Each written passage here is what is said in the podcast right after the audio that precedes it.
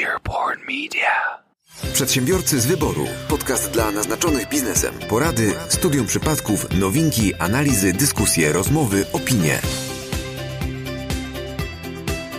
Cześć, witajcie w 25. odcinku podcastu Przedsiębiorcy z wyboru. Witają się z wami Mateusz Majk, Paweł Badura, Piotr Łysko, Michał Kucharski oraz Piotr Kowalski.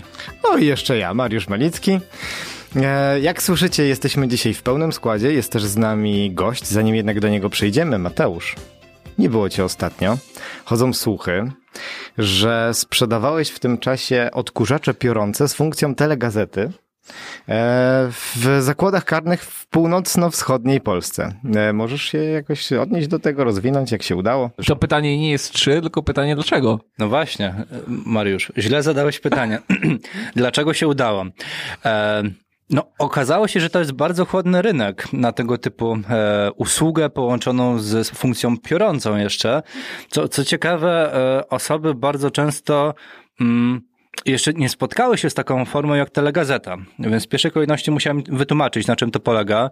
Pokazałem kilka przykładów e, tutaj audycji Piotra, e, pisanych na telegazecie. E, łapaj teksty to tutaj, że tak powiem, robiło e, można powiedzieć ładnie, spisywało to, co ty wcześniej mówiłeś do narodu polskiego. E, tak, no i ogólnie mam 10 zamówień, na razie są tylko i wyłącznie podpisane umowy, mam nadzieję, że osoby będą wypłacalne. No ale właśnie, mamy też gościa. Piotrze, co, czym się zajmujesz? Jednym słowem, komunikacją.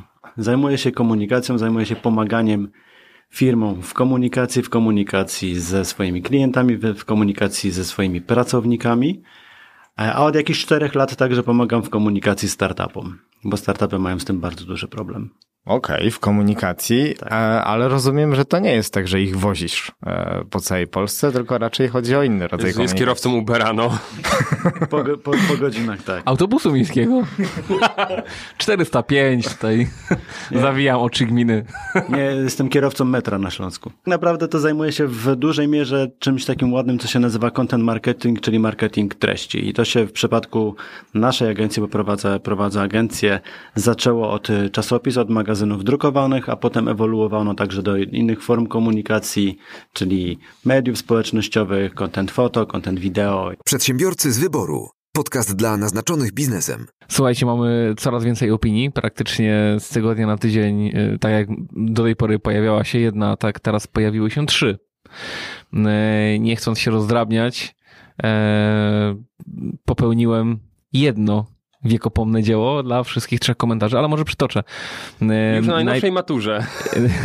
Analiza. Co autor miał na myśli? Analiza i interpretacja Piotr Łysko. E, dzięki wielkie Trele Morel. E, chociaż tytuł jest Świeć Panie nad twórcami tego podcastu. I zastanawiałem się, czy to nie jest groźba jakaś, ale panie, ten podcast jest tak dobry, że uzależniłem się od pierwszego odsłuchania. Teraz w oczekiwaniu pomiędzy epizodami nie wiem kompletnie, co ze sobą zrobić. Czuję, jak powoli dopada mnie depresja i chęć niesienia dobra, aby tylko świat sprawił, że pojawi się nowy odcinek. Dzięki wam świat ma więcej kolorów niż powinien. Dziękuję. Bardzo fajna recenzja. E, I kolejna, która była praktycznie w dzień ostatniej publikacji, czyli w środę. E, Barto Gorzow. Więc prawdopodobnie jest jakiś Bartek z Gorzowa. Albo Jest też. zakład karny? Jest no właśnie. Albo też, albo też nie, nie, nie, nie, nie. Albo też nie jest Bartkiem z Gorzowa, tylko na przykład jakoś tak się nazywa, że tworzy się nick Barto Gorzów, no nieważne. E, pięć gwiazdek poszło. Cytuję, to chyba pierwszy podcast, który słucham z przyjemnością od początku do końca, a na widok powiadomienia, że jest coś nowego, aż zatrzymuję się na Orlenie po kawę, żeby nie musieć w trakcie słuchania. To jest coś rewelacyjnego. Ja Jestem tak czasem robię totalnie. z sikaniem, nie z kawą, że jak słucham czegoś fajnego, to wysikuję się wcześniej, żeby potem sobie nie przerywać. Także, także super. Ale można nas słuchać podczas sikania. Nie, można, można nas słuchać podczas sykania, można mam earpodsy, boję się, że mi zawsze do kibla jeden wpadnie. żeby nas nie olewać. Nie, fakt, fakt, Tak, fakt, żeby o. nas nie olewać. A wtedy musiałbyś olać swój telefon, także raczej, znaczy to nam nie grozi. E, mamy też e, kogoś, kto nazywa się Strzępa i tak wahałem się, czy nagrodzić jego komentarz e, uczestnictwem w dzisiejszym kąciku poezji, e, bo dał tylko trzy gwiazdki. No lekki niedosyt jest, bo nie wiem dlaczego straciliśmy te dwie gwiazdki, skoro jesteśmy najlepsi, no ale dobra. E, cytuję, tematyki ciekawe, ale zbyt dużo śmieszkowania i chaosu niestety. Może Azjata nie zrozumiał po prostu, wiesz, wszystkiego. E, Nie, nie mówi dobrze po polskiemu. a, ja, a ja mam zawsze problem, żeby w tych znaczkach mówić. No, no, no. Niemniej Musimy jednak... napisy takie Tak. znaczków. Jednak z Mariusza wychodzi ten prawicowiec, co nie? Już tam jakieś Tak, przytyki już nie rzuci. takie, Nie, tak, takie, tak. Takie Nie będzie Azjata pluł nam w twarz. Dokładnie. no. Dokładnie, ni Saigonek nam przyrządzał. Nie, nie, Nie no, Saigonki. Odcinamy się. Tajgonki. Także uwaga. Zamiast pisać trzy utwory, zamiast strzępić se języka, zrobię jeden, ale spory. Pióro w dłoń, bo myśl umyka. Tematyki są ciekawe i jest dużo śmieszkowania. Na ławę kładę kawę. Ktoś tu nie zjadł śniadania. Zamiast apce kliknąć 5, zamiast fejmu, zamiast wow, niby szwagier, niby zięć, ktoś nam tu trzy gwiazdki dał. Barto Gorzow dziś jest w trasie. Barto, kawka na Orlenie i fankowo jak na basie, pięć gwiazdeczek zawsze w cenie. Trele Morel jeszcze kliknął, miła piątka z jego strony. Tak jak wskoczył, tak i zniknął, wyślę ci ze dwa bonbony. Pamiętajcie, drodzy nasi, jeśli chcecie y, dać nam wsparcie na pięć gwiazdek, my są łasi, tak jak grubas w małym smarcie. Takie życie, taki life, klikaj często, byle five. Wow, nie no, prostu. Ja to- Brawo! Ja to chyba wkleję na początku, w środku i na końcu tego odcinka. Zdecydowanie. Wklej, brawo, wklej brawo, jeszcze brawo, pomiędzy tymi wklejeniami. Panowie, to bez używania rąk. Przedsiębiorcy z wyboru. Podcast dla naznaczonych biznesem. Dobrze, moi drodzy, mieliśmy już odcinek ogólnie o content marketingu, ale dzisiaj chcemy pogadać e, jako temat odcinka, wziąć na warsztat coś, co się nazywa e, custom publishing. Tak. Możesz powiedzieć coś więcej, jakby, co to znaczy custom publishing? Custom Publishing, czyli w skrócie publikacje na zlecenie. Publikacje e, w dużej mierze drukowane, magazyny dla firm, e, magazyny wewnętrzne dla pracowników, magazyny zewnętrzne dla klientów obecnych potencjalnych, dla partnerów biznesowych. E, Ale custom publishing to także raporty roczne, custom publishing to newslettery, biuletyny, czyli po prostu takie własne wydawnictwo. Okej. E, O tym będziemy rozmawiać w drugiej części e, naszego dzisiejszego odcinka. Przed newsami, a może właściwie w ramach newsów, mam do ciebie takie jedno pytanie, bo wyczytałem sobie gdzieś w materiałach, jakie przygotowywałem, że reprezentujesz też w pewnym sensie taką firmę, która się nazywa Jadę Zabiorę. Zgadza się. E, I mam takie pytanie, ponieważ my ostatnio sporo narzekaliśmy panowie na firmy kurierskie, prawda? E, Paweł i Mateusz mieli duże przeboje. Ja ostatnio też niestety przez firmę kurierską dwa tygodnie byłem bez zmywarki. Tak długo ją wieźli, no ale w końcu dowieźli. Natomiast e, twoja firma, e, można powiedzieć, znaczy firma tutaj jadę zamiar, zabiorę, można powiedzieć troszkę robi konkurencję kurierom i to nie byle jaką, bo na przykład z waszych usług skorzystał poniekąd Tom Hanks. Zgadza się to, że poniekąd skorzystał Tom Hanks. Nie do końca zgadza się to, że robimy konkurencję firmom kurierskim. Bo tak na dobrą sprawę Jadę Zabiorę rozwiązuje trochę inne problemy. Faktem jest, że jak Jadę Zabiorę powstawał, to oczywiście taki był pomysł, żeby trochę namieszać na tym rynku usług kurierskich. Zresztą nasze pierwsze hasło, którym się promowaliśmy, to było mamy najwięcej kurierów na świecie. Dlatego, bo pochodziliśmy z założenia, że każdy kierowca, a w zasadzie każdy, kto się przemieszcza, bo tutaj nie mówimy tylko o kierowcach, ale także o osobach, które jeżdżą autobusami, byłym polskim busem, czyli teraz Flixbusem. Generalnie każda osoba, która się przemieszcza, może przy okazji zabrać jakąś paczuszkę i być kurierem i jeżeli zepniemy to w ten sposób, to w zasadzie budujemy największą sieć kurierów na świecie, bo żadna firma kurierska nie jest w stanie mieć tylu kierowców, co po prostu zwykli cywi- cywilni kierowcy. Od tego się zaczęło. Natomiast po jakimś czasie okazało się, że nie tu jest problem. W sensie, że tutaj ten rynek jest tak mocno już osadzony, że e, koncentrując się na nim po prostu zbyt dużo pary pójdzie w gwizdek, bo otworzył nam się zupełnie inny rynek, rynek, którego na początku nie dostrzegaliśmy, a który okazał się bardzo, z bardzo dużym potencjałem, czyli po pierwsze rynek same day delivery, czyli dostaw tego samego dnia, a po drugie rynek dostaw prze, przedmiotów ładunków, o, niestandardowych.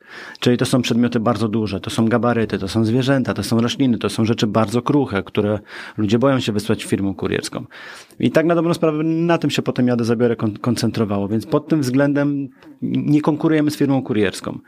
I to także widać w naszej strategii cenowej, bo często ludzie nas pytali, ile to kosztuje i czy zamierzacie cenowo konkurować z firmami kurierskimi. My mówiliśmy nie, bo my tak naprawdę rozwiązujemy zupełnie inne problemy, ale też jak się okazało, rozwiązujemy problemy, za których rozwiązanie ludzie są w stanie zapłacić znacznie, znacznie więcej. Na przykład dostarczyć malucha komuś w Stanach. Na przykład dostarczyć malucha e, dla Toma Hanksa jasne, że to jest, to jest jeden z takich najbardziej medialnych przykładów, natomiast e, codzienność to są dokumenty przetargowe, które muszą być w ciągu dwóch godzin w Warszawie trzeba je ogarnąć, tak? I jak firma, nie wiem, ze Śląska bierze udział w bardzo ważnym przetargu i w tym przed, gra się toczy o miliony, to taka firma jest w stanie zapłacić, nie wiem, dwa tysiące złotych, ale tylko za to, że ktoś tej firmie te dokumenty przetargowe ogarnie w tak krótkim czasie, na takim krótkim dystansie. Kiedyś mieliśmy taką jedną też naprawdę ciekawą, ciekawą historię, gdy zgłosił się do nas e, facet. Musimy go nazywać facet, bo to akurat jest taka duża i rozpoznawalna firma, a muszę to opowiedzieć tak, żeby nie było wiadomo o kogo chodzi. Ale zgłosił się do nas, do nas facet i mówi, słuchajcie, mamy problem. Stoi nam linia pro, produkcyjna we Włoszech. Musimy dostarczyć z Krakowa do Włoch część w ciągu 4 godzin. No tam 4-5 godzin, bo stoi im linia produkcyjna po prostu. I jeżeli nie uruchomią tego, to straty będą szły w miliony. I mówi, ogarnijcie mnie to, powiedzcie ile to kosztuje, natomiast nieważne ile to będzie kosztowało, na pewno będzie nas to kosztowało mniej niż te straty, nie? E, tak się składa, że jednym z założycieli Jadę Zabiorę jest Łukasz, który bardzo mocno siedzi w lotnictwie i w bardzo szybkim czasie ogarnął samolot, ogarnął zgodę, ogarnął pozwolenia i faktycznie w 4 godziny udało się tę część dostarczyć. Firma zapłaciła za to naprawdę sporo, ale nam powiedzieli, że jakbyśmy im powiedzieli dwa razy tyle, to też by tyle zapłacili, bo straty by szły w miliony. Więc była korekta faktury? tak, tak, tak, tak, tak. I tak naprawdę tego typu problemy roz, rozwiązujemy. Często gdzieś na konferencjach opowiadam o takim, o takim, takim przykładzie, który z biznesowego punktu widzenia jest akurat kiepski, bo średnio na tym zarobiliśmy, ale z, fajnie się o tym opowiada, czyli case pluszowego misia. Dwumetrowego pluszaka, którego chłopak kupił swojej dziewczynie jako, jako prezent, a potem się zaczął zastanawiać, jak on tego pluszaka dostarczy, jak wysłać dwumetrowego pluszaka, tak? Gdy okazało się, że firmy kurierskie się takich rzeczy nie podejmują, poczną to już w ogóle, no i wyślij pluszowego dwumetrowego miśka. No i on też, co zrobił, to co podejrzewam, że każdy na naszym miejscu by zrobił, czyli po prostu wrzucił post na Face'a. Słuchajcie, jest taka akcja, chcę dziewczynie zrobić prezent, kupiłem miśka, ale jak go teraz dostarczyć? Czy, kto jedzie i zabierze?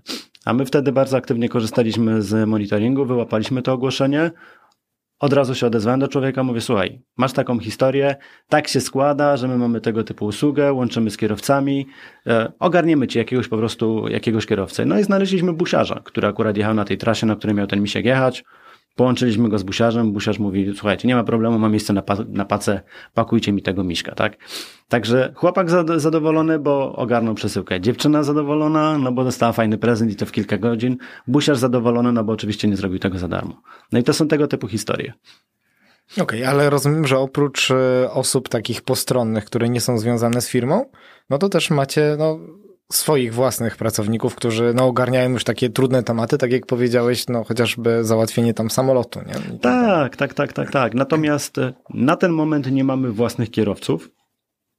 Mamy co prawda dwa własne, dwa własne busy, ale one są właśnie na takie sytuacje niestandardowe. Kiedyś mieliśmy taką, taką historię, że mieliśmy podpisaną umowę z takim dużym sklepem e, internetowym właśnie na te dostawy w ramach same day delivery. I to była bardzo fajna historia, bo tam było, przechodziło przez nas nawet 400 paczek dziennie. No to do tego to już rzeczywiście mieliśmy tam własny team, który się zajmował tylko tym, tym tematem, no ale to się tam z różnych względów skończyło. No to panowie, może jednak przestaniemy korzystać z usług kurierskich.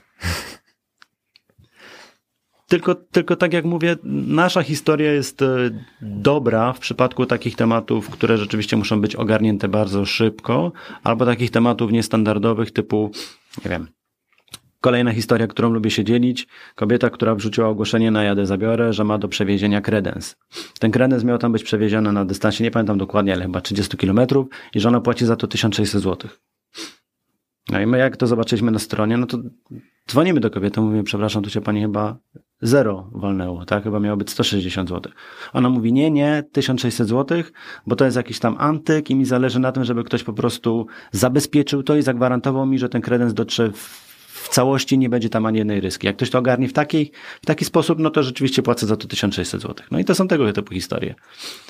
Jakieś szkła, jakieś, jakieś biżuterie, jakieś takie, no, dużo mieliśmy historii ze zwierzętami, no bo to są właśnie tego typu historie, gdzie ludzie po prostu boją się zaufać firmie kurierskiej, a to jest dla nich tak ważne i tak cenne, że muszę mieć pewność, że to dotrze w jednym kawałku. Super, no to co? Eee, ciężko będzie, ale przechodzimy do newsów innych. Przedsiębiorcy z wyboru. Podcast dla naznaczonych biznesem. My w swojej agencji mamy w ofercie również prowadzenie kanałów social media dla naszych klientów i najczęstsze pytanie to jest, ile to kosztuje? I ostatnio przeczytałem newsa, już wiem, ile to kosztuje, wreszcie mogę podsyłać klientom takiego case'a, bo agencja PR-owa, której Polska Fundacja Narodowa zapłaciła 20 milionów dolarów, promowała Polskę w Stanach Zjednoczonych, i okej, okay, 20 milionów dolarów za promowanie całego kraju w takim dużym kraju jak Stany Zjednoczone to jest okej, okay, bo materiały są drogie. I ten piękny hashtag. E, Heart of Poland. Tak, Heart of Poland. Mm, niestety już nie możemy podlinkować, bo tych kanałów już niestety nie ma, a szkoda, ale co jest w internecie, to, to tak, hashtag działa, w internecie nic nie ginie, więc mamy tutaj y, dowody. No i problem polegał na tym przede wszystkim, po pierwsze, że ta agencja korzystała ze stokowych zdjęć i niekoniecznie zdjęć, które przedstawiały Polskę. I klasyk chyba to jest naprawdę robiony dość często przez ludzi, którzy nie znają Warszawy, a którzy sobie wpisują w sokach e, Praga. Praga, no. Tak. No w Warszawie jest dzielnica Praga, no ale akurat nie o tą Pragę na tych zdjęciach chodziło, bo jest to czeska Praga. Natomiast efekty są zatrważające, bo po nie wiem, dwóch latach, Michał, bo ty też masz tego newsa, chyba dwóch latach prowadzenia e, efekty były piorunujące. Konto na Instagramie miało 52 obserwujących, a na YouTubie 13 subskrypcji. Więc 20 milionów dolarów za stokowe zdjęcia i takie efekty, to sądzę, że Ile mówisz? 13 subskrypcji? No to ponad bańka za skrup subskrypcji. No ale jeszcze wiesz, Instagram, nie? Także no Instagram jest, jest też ważnym medium, więc 52 obserwujących to nie w kij dmuchał. E, szczególnie, że 52 obserwujących w stosunku, mm, w stosunku do chyba 20 postów przed usunięciem konta, czy 60 postów przed usunięciem konta, więc na bogato. Natomiast piękne zdjęcie, tutaj mam screenshota jak... Ale przepraszam, ja, ja to chcę wytłumaczyć troszkę, bo widzisz, y, ta fundacja podeszła do tematu bardzo profesjonalnie. Po pierwsze, oni sprawdzili, czy mogą e, pisać po angielsku. Na pewno tutaj zatrudnili e, jakichś prawników, radców prawnych, adwokatów, żeby to sprawdzili, tak? Czy, czy wolno, tak? Podmiotowi z Polski posługiwać się językiem obcym. Sprawdzili, że jest kuszące, ale zaryzykowali i jednak Tak, pisali. no i, i widzisz, i pykło, opłaciło się, tak? 50 subskrypcji tam e, obserwujących, no. Natomiast ja chciałem tylko skomentować, e, opisać zdjęcie, które widzę widzę. E, to akurat zdjęcie możemy podlinkować. Jest zdjęcie gościa, który wykonuje akrobację na nartach e, i jest e, pokazane, że, mm, czy podpis jest taki, że 2018 World Cup winner Kamil Stoch. No cóż. E... Znaczy ja wiem, że pastisz jest y, drogi, w ogóle komedia jest trudna do realizacji, bo to trzeba dużo przemyśleć, ale, ale ta komedia jest nieśmieszna. Tak. Jeśli, jeśli fundacja chciałaby to wydać u nas, to my też potrafimy. Po, potrafimy? Ja bym nawet za 20 milionów e, złotych mógł to poprowadzić. Już nie musiało być tego przewalutowania. Ja bym naprawdę tam wkleił Kamila Stocha do tego zdjęcia. No to było 20 milionów złotych. Dolarów? Nie, dolarów. 5,5 miliona dolarów to było 20 milionów złotych. Słuchajcie, to ja biorę w takim razie 5 milionów złotych i ja pojadę sam osobiście i zrobię zdjęcie Kamilowi Stochowi. To ja biorę jeszcze dwójkę i ja będę skakał. Raz skoczę, tylko muszę wylądować miękko, to ewentualnie, wiecie, za, za 8 baniek z Piotrem na pół, to byśmy tutaj zawojowali. Wy tutaj o takich pierdołach jak kasa, a tutaj zauważcie, że dzięki temu newsowi czeski błąd ma nowe znaczenie. A poza tym e, może taka jest strategia. No bo okej, okay, mało lajków, ale teraz proszę bardzo, podcast. No tak, tylko że już nie ma tych kont. Też tak myślałem. Także nie ma kont. Ja myślałem, że teraz właśnie wierzymy, podlinkujemy, że chcieliśmy zrobić jakiś, wiecie, yy, love bombing, żebyśmy nagle po, polubili wszyscy słuchacze, komentowali tutaj na tym Instagramie, mają taki plan, ale niestety ten Instagram już nie, nie istnieje. No. To ja tylko chciałbym przebić waszą ofertę. Ja za milion złotych przewiozę Kamila Stocha przez jadę zabiorę yy, do Stanów. Po co? Pół miliona. No, dla miliona. Pół miliona i cukierki śląskie bombony. Szkloki. Szkloki. Ja do zabiora akurat nie wozi ludzi, ale to też kiedyś ktoś nam zadał ciekawe pytanie. Czy jak są zwłoki? To to jest temat Wiecie- dla, dla, dla Blakara, czy już dla Jadę zabiorę? Powiem, pierwsze co pomyślałem, pewnie chodzi o zwłoki. I zaraz pojawiły się zwłoki. Wow. e, To jest temat też koronera. tak. Dokładnie. Ale Koroner to jest ten, co wstawia koronki w zęby? Dokładnie ten. nie, to jest ten, co dokonuje koronacji króla. On jest taki, wiesz, multi. Ogólnie Tak. wszystkimi koronami się zajmuje, nie? I czeskimi. Ja słyszałem, że się zajmuje tymi koniakowskimi koronkami. Ale on A. chyba zdobył, to nie jest ten pierwszy który zdobył koronę Himalajów? A to nie jest reżyser Korony, Korony Trzech Królów? Przedsiębiorcy z wyboru. Podcast dla naznaczonych biznesem. Zauważcie, że już po raz drugi mówimy o zwłokach. Po raz pierwszy pojawiły się zwłoki, tutaj sprawdziłem w szóstym odcinku, skremowany kotangens. Eee, I mówiliśmy tutaj o wizerunku. Teraz po raz drugi przy jadę zabiorę. A ja może po raz trzeci coś powiem o zwłokach, e, a dokładnie o tym, w czym chowamy te zwłoki, czyli między innymi o trumnach. Dosyć ciekawy news, trafiłem na niego e, ostatnio. E, nie wiem, czy zdajecie sobie sprawę, ale roczna umieralność Polaków rośnie. I to dosyć mocno. Patrząc na e, może nawet nie roczną, ale w ostatnich pięciu latach e, o 10% się zwiększyła i to jest taki trend europejski. I na tym trendzie europejskim jedna, nawet nie jedna, ale kilka firm właśnie z branż trumien bardzo mocno zyskały. Jak się okazuje, polscy producenci trumien robią furorę w Niemczech. To jest po prostu dla mnie genialne. Dlaczego genialne? E, Dwie sprawy. Po pierwsze, e, w idealny sposób trafili na popyt, który się pojawił, e, obserwując rynek. Co się okazało? W chwili obecnej bardzo dużo wyżu demograficznego po czasów II wojny, wojny światowej po prostu zaczyna umierać. Producenci trumien w Europie niekoniecznie prze, przewidzieli coś, co było w miarę oczywiste, natomiast nie obserwowali rynku. Polscy producenci wręcz przeciwnie, zaczęli przygotowywać się do tego trendu, zainwestowali dużą kasę w maszynę i na chwilę obecną, przykładowo na 17 tysięcy trumien, które jeden z producentów, największy w Polsce i Europie, produkuje miesięcznie, 16 tysięcy idzie do Niemiec, a jeden tylko ty- tysiąc do Polski. I dlaczego o tym mówię? Po pierwsze, na zasadzie właśnie obserwacji trendów, patrząc na, na rynki w różnych branżach, i też chwilę chciałbym z Wami na ten temat porozmawiać, a po drugie, na temat e, przebijania się, jeśli chodzi nawet o same ceny. E, to też informacja z, z newsa. E, co się okazuje? E, Firmy, które sprzedają później te trumny właśnie w Niemczech, e, mają już na tyle duży problem, że są w stanie o e, 70-80% podwyższyć cenę. Czyli producenci, jeśli w ciągu paru dni są w stanie dostarczyć im 15-20 tysięcy trumien, no to są w stanie zarobić 70-80% więcej, bo po prostu jest taki na to popyt. Okej, wracając jednak do, do tego newsa i idąc w kierunku obserwacji rynku, e, pytanie, czy wy się spotkaliście w ogóle w innych firmach, niekoniecznie z branży właśnie szeroko pojętej pogrzebowej, e, wykorzystanie i wprowadzenie pewnego rodzaju przewagi konkurencyjnej właśnie patrząc na obserwacje, na trendy, na prognozy. Czy to jest waszym zdaniem popularne?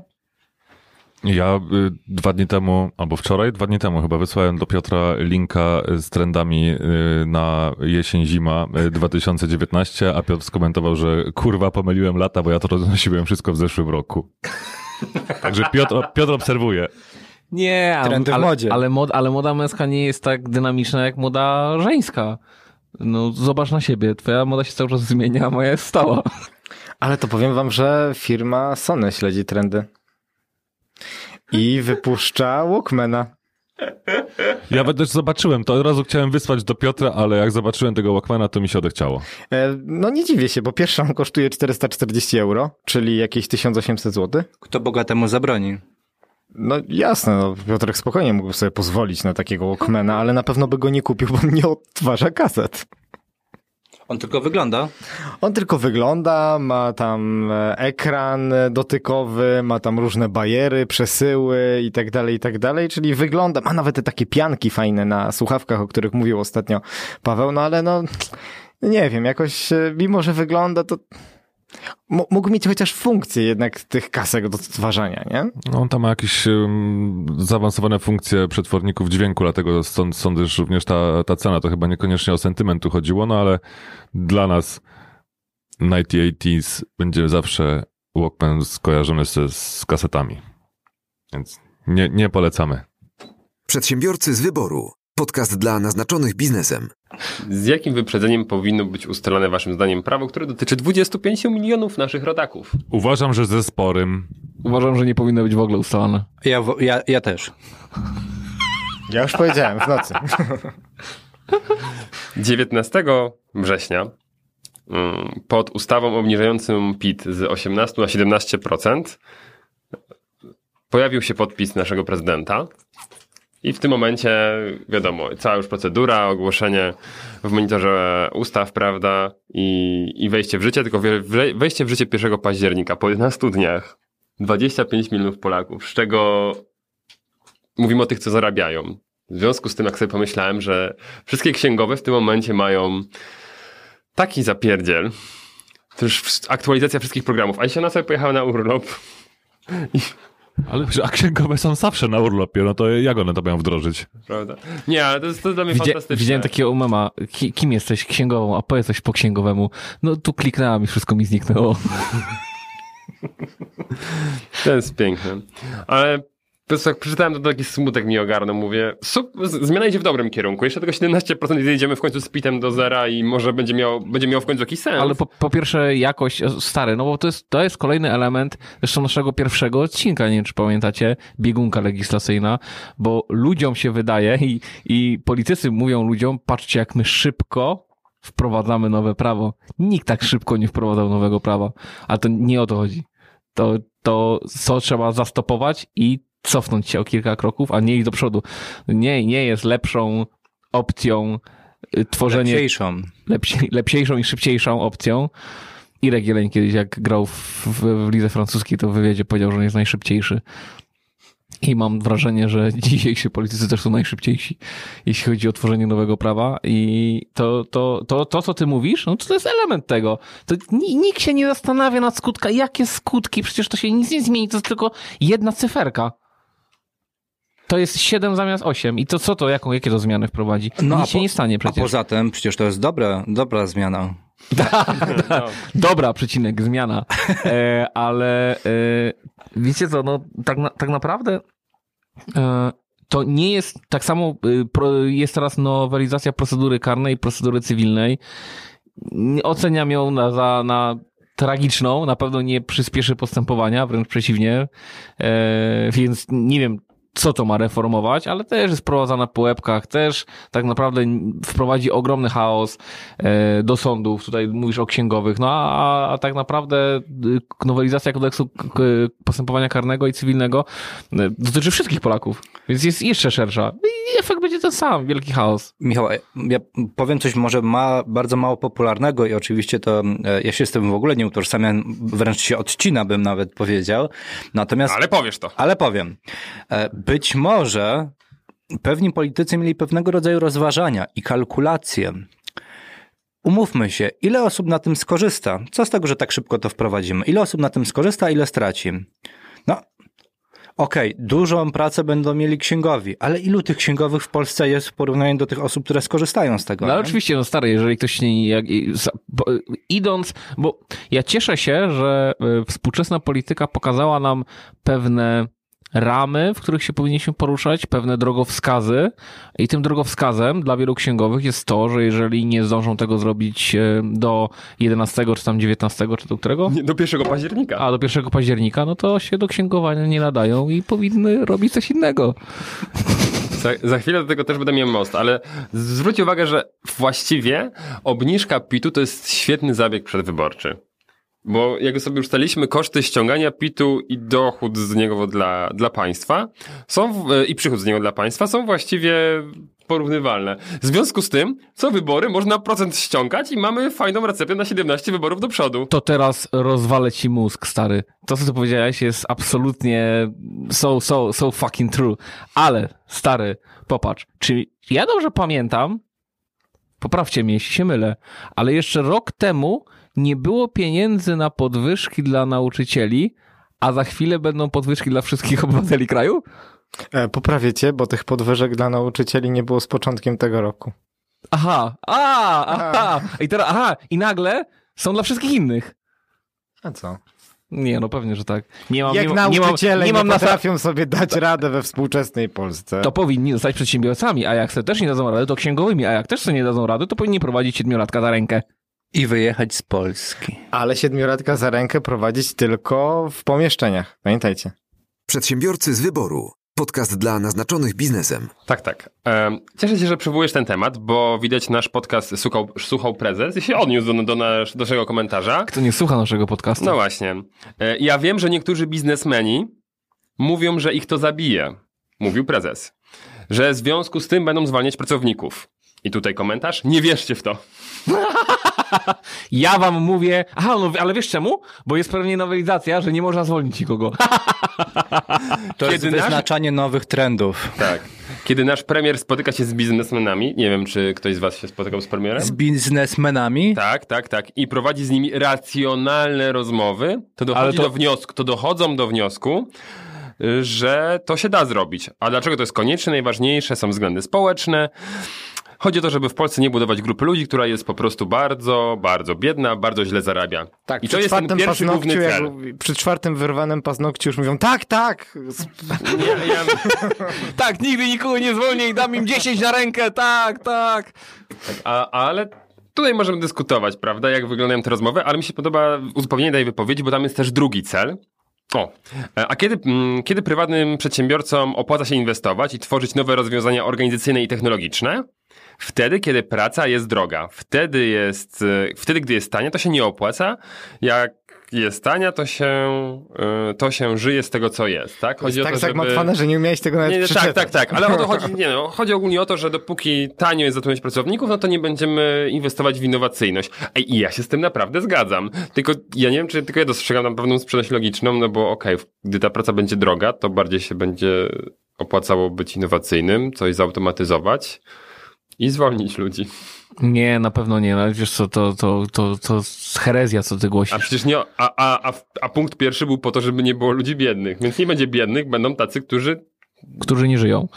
E, bo umarli z głodu, ale... E, E, przepraszam bardzo, chyba że Piotr Łysko zostanie swoim prezydentem w 2020 roku, a jak wiadomo, wtedy będzie zakazany ustawowo. bieda i smutek. Ale wtedy pytanie, I co z nimi zrobić, nie? Jak już umrą. Jadę zabiorę czy bla bla kar? Nie no, jak już umrą, to ja to zabiorę, nie? A póki jeszcze żyją, to do Niemiec z blablakarem.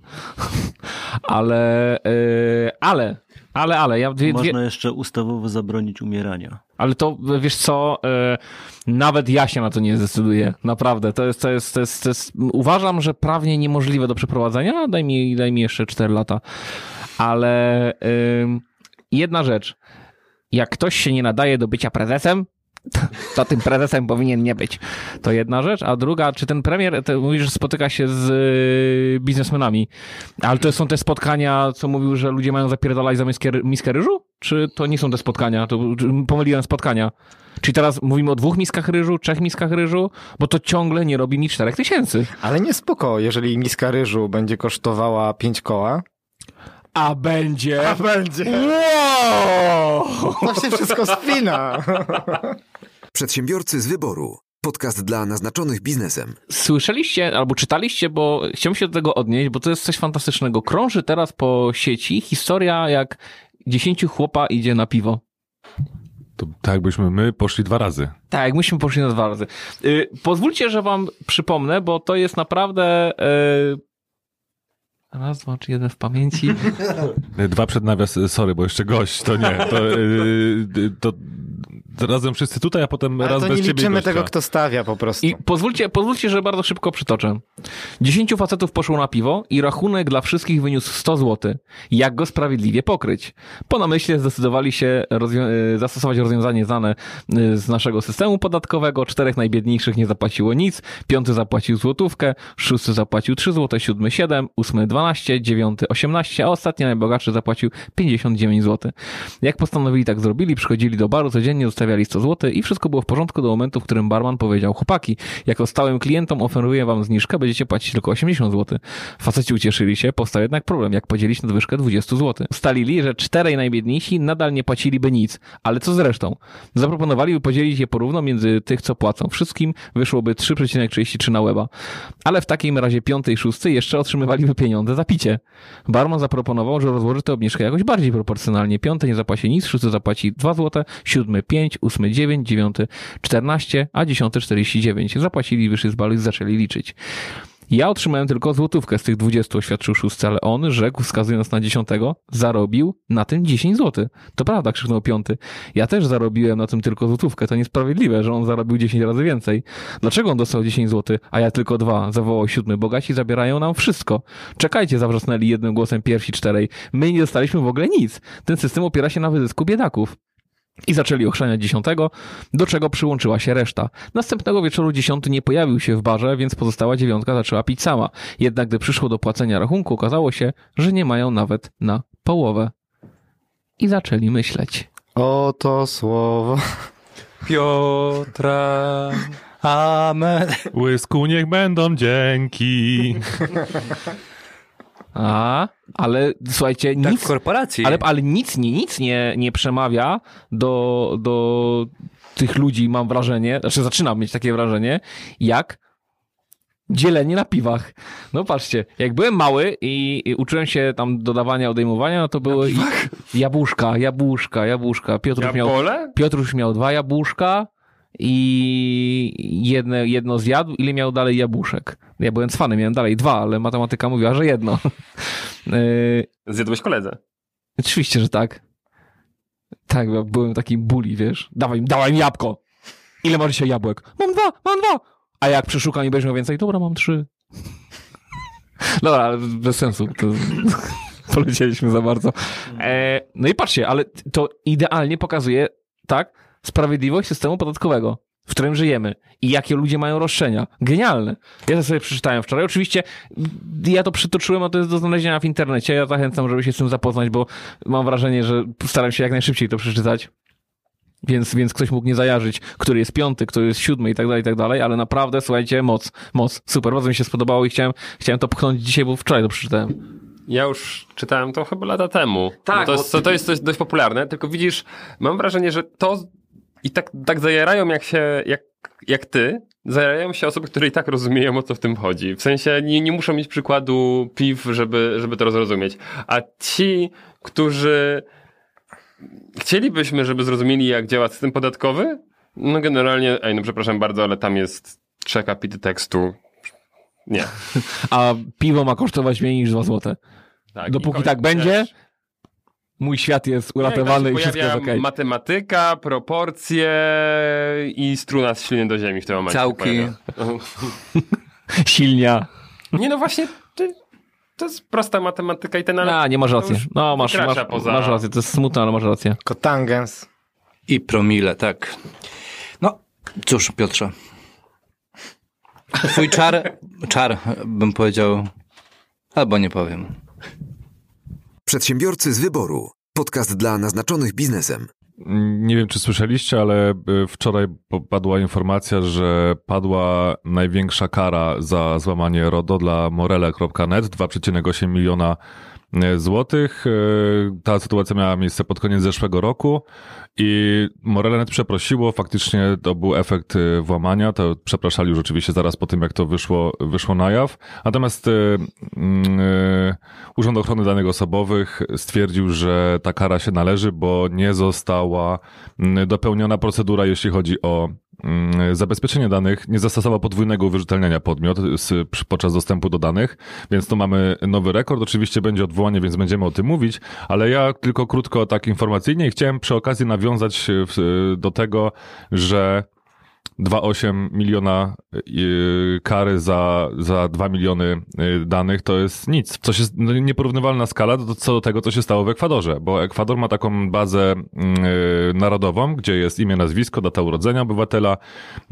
PESEL, adres zamieszkania, numer telefonu, adres e-mail, data zawarcia ślubu, jeśli taki wystąpił, poziom edukacji, są również powiązania rodzinne, w tym imiona dzieci, no i baza Przypo, przytoczę tylko, że Ekwador ma 16 milionów obywateli, natomiast baza 20 milionów obywateli y, krąży po internecie i można sobie znaleźć 18 gigabajtów danych na temat każdego obywatela. No, skoro jest więcej na tej, na tej liście w bazie danych niż obywateli, więc chodzi również o mm, tych nieżyjących, więc y, to dopiero jest fuck up i ciekawe, czy mają jakiś odpowiednik Urzędu Ochrony Danych Osobowych w Ekwadorze i czy sobie nałożą sami na siebie karę i chyba wyższą niż 2,8 miliona. A to by było wtedy takie, wiesz, wiadro, wiadro, z wiadra do wiadra, bez sensu. Mnie natomiast zaciekawiła inna rzecz, bo powiedziałeś, że w tej bazie w Ekwadorze jest coś takiego jak poziom edukacji. To są u nas wszyscy mieliby chujowy. Czy to nie o to chodzi? Obawiam się, to chodzi o, o yy, po prostu czy wyższe, czy średnie. Czy... a, a, rozumiem. To nie znaczy, że wyższe chujowe albo średnie chujowe, tylko po prostu, wiesz, bez tego przymiotnika. Przedsiębiorcy z wyboru. Podcast dla naznaczonych biznesem. Nie ma ktoś z was problemu przypadkiem, nie ma ktoś trypofobii? Z czym? Trypofobię macie może? Może. Ja lubię podróżować. Nie, to nie chodzi o podróżowanie. Trypofobia to strach lub niepokój wywołany obrazem składającym się ze skupiska niewielkich dziur lub otworów o nieregularnych kształtach. A to nie mam. Powiedz, powiedz mi, Okaza- jakim cudem to się pojawiło w tej audycji? Okazuje się, moi drodzy, że nowy iPhone, który ma trzy aparaty, bardzo blisko siebie zlokalizowane, dużej wielkości, wywołuje u wielu ludzi trypofobię i jest ogólny hejt na e, jabłuszko nadgryzione, że jak oni mogą w ogóle wywoływać coś takiego, że jak oni mogą takie, no brzydkie to to jest, no faktycznie, popatrzcie, no brzydkie. Nie, to wygląda jak taki troszkę pajączek. No Też trochę tak, no ale słuchajcie, no jeszcze Nie taki pajączek do nie, nie, mów, kręgosłupa. nie mów tak, bo teraz y, wszyscy, którzy mają arachnofobię powiedzą, że też jest jakiś problem z tym, nie?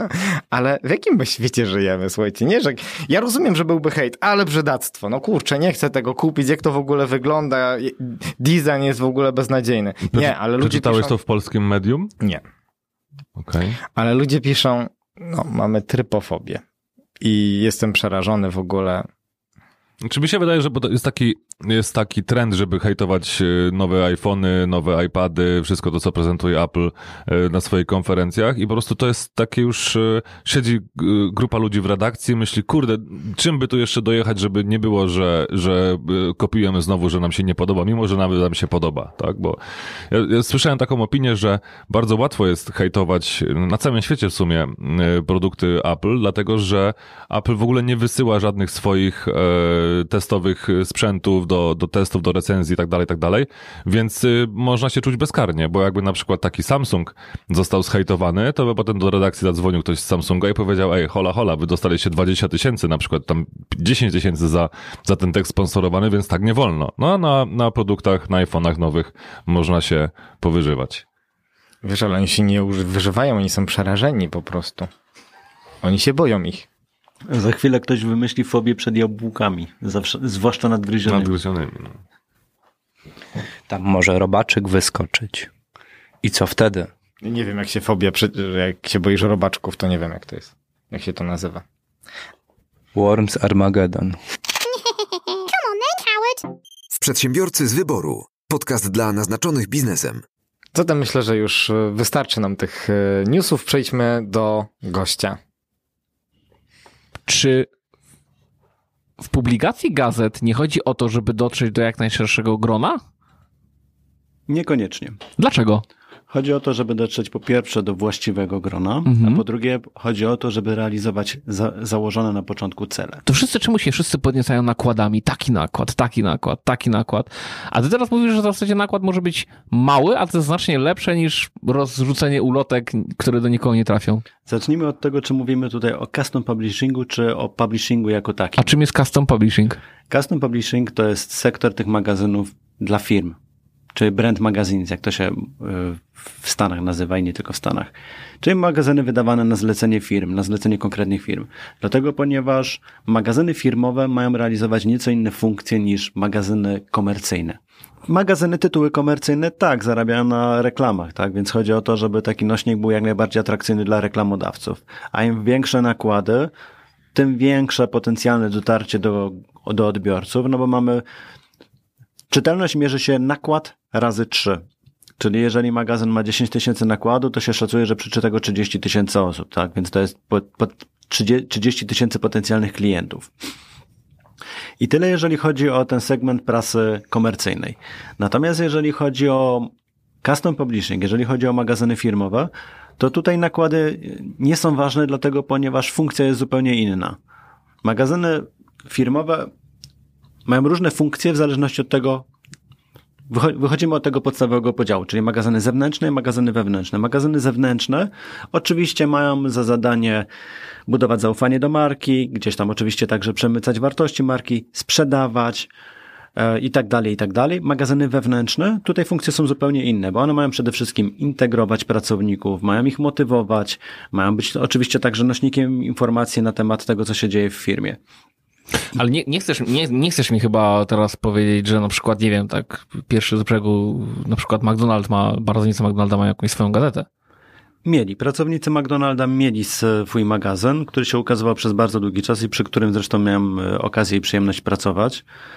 E, Nazywał, magazyn nazywał się Pressmac i był robiony napra- na naprawdę bardzo wysokim poziomie. No i To był- co? Co znajduje, przepraszam, że, że, że, że, przerywam, bo nie, nie chcę, żeby mi uciekła myśl. Co znajduje się w, takim, w takiej gazecie? Na przykład, że yy, no, jako laik spytam, czy yy, najlepiej wysmażony, nagroda najlepiej wysmażonego burgera trafia do Andrzeja z Krotoszyna. E, Dobry przykład, bo on wcale nie jest e, tak bardzo odosobniony, ale rzeczywiście tak jest, że w takim magazynie pracownicy mogli znaleźć informacje na temat tego, co się dzieje w firmie, w firmie w skali globalnej, w firmie w skali, w skali krajowej, ale też e, co się dzieje w poszczególnych oddziałach, w, w poszczególnych lokalizacjach. Bo mm, w przypadku dużych firm jest oczywiście tak, że zatrudniają bardzo wielu pracowników, w związku z, z czym ci pracownicy nie za bardzo mają możliwość się poznać i nie za bardzo mają możliwość być na bieżąco z tym, co się dzieje w firmie. Natomiast jeżeli chodzi o komunikację wewnętrzną, to ja wychodzę z założenia, że wciąż nie ma lepszego nośnika niż właśnie taki magazyn. Dlatego, ponieważ oczywiście wiele firm e, idzie w intranet, idzie w jakieś takie media bardziej elektroniczne, natomiast e, intranet i media elektroniczne są dostępne jednak dla wybranych, a poza tym nie angażują tak bardzo. Dlaczego? Dlatego, ponieważ w pracy pracownik raczej, jeżeli jest pracownikiem fizycznym, to nie za bardzo ma czas na to, żeby zapoznawać się z tym, co jest gdzieś tam w, intre, w intranecie, a po pracy, no mówmy się, wywalone ma na to, co się dzieje w intranecie, więc raczej jak opublikujesz tam informacje na temat zmian w produkcie, zmian ofer- w ofercie i tak dalej, i tak dalej, to to raczej nie dotrze. Natomiast jeżeli wydrukujesz taki magazyn, położysz w jakimś pokoju pracowniczym, pracownik weźmie ten magazyn, przeczyta go na przerwie, weźmie ze sobą do autobusu, w autobusie się zapozna, weźmie do domu, w domu go otworzy. Jeżeli jest to dobrze wydane, to magazyn po to, po to sięgnie. A co w takim magazynie może być? E, Sięgając właśnie po przykład magazynu dla, dla McDonald's, tam zawsze była informacja na temat oczywiście nowych obiektów, które się, które się otwierały. Tam zawsze była informacja na temat zmian w skali globalnej, czyli co się dzieje globalnie w McDonald's, więc prawdopodobnie niebawem będzie się działo w, McDonald's Polska, ale także co się dzieje na szczeblu krajowym, czyli jakie zmiany kadrowe, że zmienił się dyrektor, że zmienił się zarząd, że wprowadzili nowe ma maszyny, nowe standardy, nowe procedury. Ale bardzo ważna była też ta funkcja motywacyjna i ta funkcja motywacyjna była realizowana poprzez pokazanie niezwykłych oso osobowości, które pracu pracują w restauracjach. No bo to są z jednej strony pracownicy, ale też z drugiej strony bardzo często ludzie, którzy mają niezwykłe pasje. Więc zawsze w magazynie, w magazynie było kilka sylwetek. Osób, które na co dzień pracują w McDonald's, a po pracy jeżdżą na desce, kolekcjonują niestandardowe rzeczy, mają kapelę hip-hopową, robią mnóstwo niesamowitych rzeczy. I dla pracownika takie coś jest bardzo takie nobilitujące, tak? Bo wydaje mi się, że jednak wszyscy się zgodzimy, że nawet w erze cyfrowej nic no, nie nobilituje tak bardzo, jak znalezienie się w druku, w mediach tradycyjnych. Bo czujemy, Zaczniemy od tego, że w ogóle czujemy, tak? Bo magazyn możemy wziąć do ręki, możemy go poczuć. Niektórzy. Możemy babci pokazać. Możemy pokazać babci, możemy go powąchać, bo niektórzy mają ten fetysz zapachu farby, tak? Są tacy, są tacy ludzie. Ale faktycznie możemy ten magazyn wydrukowany wziąć, za, zawieźć babci, pokazać, możemy ten magazyn schować do szuflady, po latach do niego wracamy i on nas ciągle cieszy. Mnie w ogóle śmieszy, jak często gdzieś tam słyszę w, interne w internecie, jak influencerzy mówią, że media tradycyjne umierają, że pójście do telewizji to jest obciach, że w ogóle druk umiera, a potem znajdzie się który z nich na okładce magazynu i je, patrzcie, patrzcie, co, co, jestem na okładce magazynu. Bo to jednak wyróżnia, dlatego ponieważ czujemy tę trwałość. Jeżeli znalazłem się w internecie, dzisiaj jestem, jutro mnie nie ma, tak? Jutro jestem spychany gdzieś tam na dalszą stronę, nikt do tego już nie wraca. Natomiast jak jestem utrwalony w druku, to jestem. I to jest trochę podobnie jak w przypadku zdjęć, tak? Jest zupełnie inna percepcja, jak się zdjęcia ogląda na komputerze czy na komórce, a zupełnie inna percepcja, jak te zdjęcia się jednak wydrukuje, prawda? No a czy na przykład odczułeś, że jest, była taka społeczność pracowników McDonalda? To znaczy, nie wiem, nie, bo czy tam nie ma zbyt dużej rotacji, żeby ci ludzie w ogóle mogli poczuć się częścią tego zespołu albo częścią, częścią McDonalda, nie? E, bo zasadniczo jak ktoś pracuje w jakiejś korporacji, często całe życie w jakiejś firmie, okej, okay, mhm. no ale McDonald's zawsze mi się kojarzył z taką bardzo rotacyjną pracą, tymczasową często. No i pytanie, czy, czy, czy, czy to spełnia swoją rolę i czy ta gazeta wpłynęła na jakoś na to, że ludzie mówili, a pojechał na przykład nad morze i on też pracuje w McDonaldzie, on ma kapelę hip-hopową. Czytałem o tym w naszym, w naszym y, magazynie filmowym. Dokładnie tak było. Dokładnie tak było, że jeżeli ktoś się znalazł w magazynie, to on się mógł troszeczkę poczuć jak taki celebryta. Bo to rzeczywiście gdzieś tam, gdzieś tam nobilitował, ale też trzeba zaznaczyć, że mówimy tutaj o nieco innych czasach, tak, bo to była tam perspektywa 10 lat temu, mhm. więc wtedy ta struktura zatrudnienia w McDonald's wyglądała trochę inaczej. Zresztą nie tylko w McDonald's, w ogóle struktura pracownicza wyglądała inaczej. Pracownicy inaczej pracowali, ta rotacja była rzeczywiście dużo mniejsza. Dzisiaj pewno to się częściej zmienia, aczkolwiek ja sam pracowałem w McDonald's przez długi czas i lubię się tym chwalić, bo to naprawdę był świetny czas. I do dzisiaj e, w McDonald's pracują ci ludzie, z którymi ja pracowałem. Oni dzisiaj są już na zupełnie innych stanowiskach, są kierownikami restauracji albo gdzieś już dołączyli do kadry zarządzającej, ale ciągle są. Ciągle jak jadę do restauracji, w której pracowałem, to widzę te, te, te twarze, z którymi ja kiedyś tam pracowałem. Się utożsamiają, tak, z firmą. To jest jedyny przykład, kiedy zamawiasz zestaw i dostajesz lufę razem z nim. tak. A nie ma już tego magazynu, tak? W McDonald's? Nie, nie ma tego magazynu, ponieważ oni poszli w wersję elektroniczną, ale dlatego, ponieważ mm, postawili na trochę inny klucz. Postawili mhm. na klucz pod, klucz pod tytułem użyteczność, ale też wyszli z założenia, że no, jednak ci ludzie się zmieniają, ci pracownicy, tak? I faktycznie e, dzisiaj młodzież, czyli dzisiaj ludzie, którzy pracują w tego, w tego typu restauracjach, chcą mieć informacje już w tej chwili natychmiast. E, I to są trochę in, innego rodzaju informacje, dlatego McDonald's postawił na portal, dla pracowników. E, świetny swoją drogą portal. Portal, w, w przypadku którego głównym głównym kryterium właśnie miała być użyteczność. Czyli po prostu tam każdy z pracowników ma swoje konto, może się zalogować, znajdzie tam aktualny grafik pracy, znajdzie tam aktualne składy kanapek, znajdzie tam wszystkie informacje. Jeżeli mu się zapomni, co ma jaki skład, to wie, gdzie tego szukać. Zawsze ma to pod ręką. I to ma taką formę mniej magazynową dzisiaj, a bardziej narzędziową. Taki portal, Macface. Portal wiedzy. E, tak, tak, tak. To jest dobre określenie, a nazywa się to mm, niezbyt kreatywnie Witamy w McDonald's.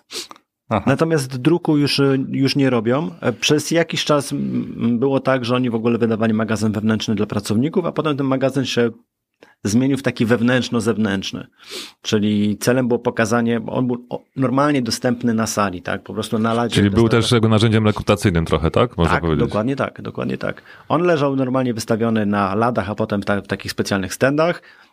Z jednej strony oczywiście były realizowane te funkcje jakieś takie korporacyjne, że każdy konsument w tym momencie już mógł wziąć i przeczytać, z czego są robione kanapki, dlaczego to jest takie i takie i takie, ale oczywiście była ta część poświęcona pracownikom, dzięki czemu pracownicy restauracji mieli być tacy bardziej ludzcy, tak? Zobacz, że ta pani, która przed chwilą obsługiwała cię przy kasie, to jest y, osoba, która też ma pasję, która ma zainteresowania, która ma rodzinę, która ma takie i takie hobby, która ma tytuły. Bardzo często w tych restauracjach pracowali, prawdopodobnie do dzisiaj pracują ludzie, którzy byli jakimiś, nie wiem, utytułowanymi sportowcami, że człowiek się nawet nie domyślał, że gdzieś tam smaży burgery z, nie wiem, mistrzem Polski w karate na przykład. Okej, ja niedługo muszę y, uciekać niestety w trakcie tego odcinka, ale chciałem tylko wrócić do tego, co powiedziałeś, bo mnie to bardzo zaciekawiło, że y, czytelnictwo się mierzy nakład razy trzy. Tak. No ale a nakład, a sprzedaż to jest też jeszcze co innego. To mimo wszystko mnożymy razy trzy, żeby to... Nie, nie, nie. To znaczy to już jest po odliczeniu zwrotów tak. Okej, dobra. No bo właśnie tak mi się wydawało, że, że to jest... Nie, nie, nie, nie. nie. Czyli, to jest, czyli recykling jednak jest wewnętrzny czasopisma, tak?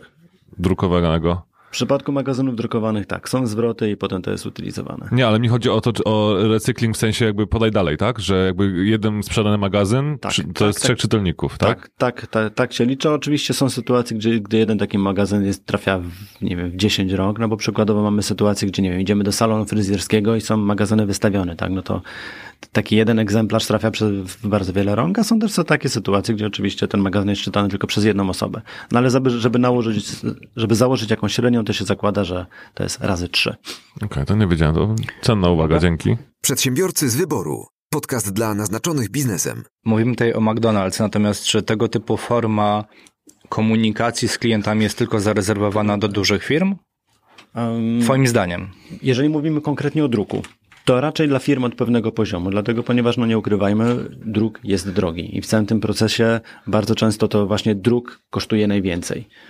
Więc jeżeli chodzi o komunikację wewnętrzną, to ona jest zalecana w przypadku firm, które mają tak co najmniej 800 pracowników. Jeżeli firma ma więcej jak 800 pracowników, to już jest warto pomyśleć o tego typu kanale, to, to już jest warto pomyśleć o magazynie wewnętrznym. Mniej, myślę, że można by tutaj pomyśleć o jakichś takich bardziej efektywnych finansowo drogach dotarcia. A jeśli mówimy o zewnętrznej komunikacji, A jeżeli, mówi, jeżeli mówimy o zewnętrznej komunikacji, to, to oczywiście zależy też od, yy, od budżetów, jakimi firma dysponuje, tak? Bo też pytanie, co to znaczy duża firma? Duża firma mierzona w jaki sposób, tak? Bo są firmy, które nie są firmami masowymi, ale mają budżety na marketing na tyle duże, że im się opłaca wydawać tego typu magazyn i są one wydawane na bardzo wysokim poziomie. Przykładem jest, nie wiem, Ferrari, który wydaje magazyn La Squadra, świetny zresztą. I to jest magazyn, który naprawdę jakby położyć na półce w Empiku obok tytułów motoryzacyjnych, to wiele z tych tytułów motoryzacyjnych wpada w kompleksy, bo jest zrobione na tak wysokim poziomie. Redakcyjnym, graficznym, jeżeli chodzi o sesje zdjęciowe i tak dalej. Porsche także wydaje swój magazyn, również magazyn na bardzo wysokim poziomie. Tylko to są produkty premium już, tak? tak, tak, tak. Mówimy tutaj o tego, o tego typu produktach, tak. Natomiast jeżeli chodzi o custom, mm, to myślę, że takim najbardziej znanym przykładem to jest magazyn wydawany przez Red Bulla. E, The Red Bulletin, który jest wydawany od 2005 roku. Jest wydawany w nakładzie 2,5 miliona egzemplarzy. I to jest magazyn, który jako custom jest często pokazywany jako, jako wzór, bo w tym magazynie jest wszystko. Tam są sesje zdjęciowe z najwyższej półki. Tam są wywiady z najbardziej znamienitymi gośćmi. Oczywiście, którzy pasują profilem do, do takiej marki jak Red Bull. A krzyżówka jest? Tak. Okej, ja się na przykład spotkałem tutaj w swojej branży z e, wydawnictwem, które w zasadzie dostaje pocztą, mniej więcej chyba raz w miesiącu z tego co pamiętam, to jest producent papieru. Arc- Arctic Paper, e, który w zasadzie dzieli się z, z swoimi klientami właśnie informacjami na temat nowości, na temat tego, e, jakie e, książki na przykład, czy inne segmenty zostały wydane właśnie z wykorzystaniem tego typu papieru. E, No i dla mnie to jest coś ciekawego. Pierwszy raz się z czymś takim spotkałem, patrząc na przykład na tą moją branżę, w której ja też działam. Mhm. Ale to w ogóle ciekawostką jest, że cały custom publishing właśnie się zaczął od branży drukarskiej, oczywiście jak, jakkolwiek banalnie to brzmi, bo mm, bardzo często mówi się, że custom publishing e, został mm, wymyślony, że pierwszym takim oficjalnym customowym tytułem jest magazyn The Farrow z roku 1895 wydawany przez producenta John Deere, to jest producent maszyn ro- rolniczych. E, I to jest Ciekawy przykład customu, ponieważ to jest magazyn, który ukazuje się do dzisiaj, od 120 lat i on w tej chwili ukazuje się w nakładzie tam prawie 2 milionów egzemplarzy w 40 krajach. I on do dzisiaj istnieje. Magazyn wydawany przez producenta maszyn rolniczych. Natomiast y, tak naprawdę pierwszym takim customem, i to jest też ciekawostka, o której niewielu wie, był magazyn wydawa- wydawany przez Benjamina Franklina. On był, kim był? Wszyscy chyba gdzieś tam wiemy, tak? To jest osoba, która gdzieś tam położyła podwaliny pod Stany Zjednoczone. On, zanim rozpoczął swoją działalność polityczną, był drukarzem. I żeby trochę wypromować swoją drukarnię, to w roku 1732 zaczął wydawać taką publikację, która się nazywała e, Paul Richards Almanac. To był rocznik. Periodyk, ale rocznik. I tam zawsze ludzie mogli, mogli znaleźć e, przepisy, e, prognoza pogody. Co ciekawe, nie wiem w jaki sposób prognoza pogody w roczniku, ale, ale była. Tam było mnóstwo, mnóstwo ciekawostek. E, To ukazywało się w nakładzie 15 tysięcy egzemplarzy, jeśli dobrze pamiętam. I to się ukazywało przez 25 lat. I na początku Benjamin Franklin prowadził ten tytuł po to, żeby promować swoją działalność drukarską. W związku z tym, że on był drukarzem, no to miał dostęp do tego typu maszyn, więc było mu łatwiej, ale po jakimś czasie zaczął tę publikację wykorzystywać też do swoich celów politycznych, jako narzędzia, jako narzędzie agitacyjne. I w ten sposób też gdzieś tam zaczął docierać do ludzi, pokazując im swój program, pokazując czym się, czym się zajmuje. Więc tak naprawdę no, ten custom to też nie jest nowa rzecz, no bo tutaj mówimy o roku 1732, tak? Właśnie, to jest coś niesamowitego. Setki lat temu to już powstało. Tak. mnie, mnie, dla mnie to jest, e, czy mnie kojarzy się to głównie z czymś takim, że mm, jestem gdzieś w jakiejś firmie i leżą jakieś gazetki firmowe, ale to są lata, nie wiem, określił w, Pol- w Polsce początek lat 90. Na świecie bym tak, nie wiem, myślę 70, 80 mi się tak kojarzy. W samolotach też zaczęły się pojawiać, nie? to chyba parę bardzo popularne. Customy są, są w liniach lotniczych, nie? Tak, tak, tak. Zresztą jedne z największych customów na świecie w tej chwili to są właśnie magazyny pokładowe. Zresztą przykładem tutaj może być e, magazyn Rhapsody wydawany przez United Airlines, który, jest, który ukazuje się w nakładzie 13 milionów, milionów egzemplarzy. Nie założę się, że Virgin też na pewno ma jakiś swój magazyn. Pewnie, pewnie tak. I cie- i ciekawostka, bo to akurat wczoraj sobie sprawdziłem, żeby też być na, na bieżąco. E, Ten magazyn oczywiście sprzedaje już reklamy. Jedna strona kosztuje 28 tysięcy dolarów. I to się rozchodzi. To działa. Niesamowite. Nie, gość, tutaj się nie dziwię. Mówimy o tym dalej od United, United Airlines, prawda? Tak, no to w samolocie chyba każdy kiedyś wziął to do ręki, przynajmniej przekartkował, prawda? Więc osoby, które nie przygotowały się z e-bookiem albo mają baterię w smartfonie rozładowaną, bądź nie mają tradycyjnej książki, no to wiadomo, że to prędzej czy później wezmą do ręki.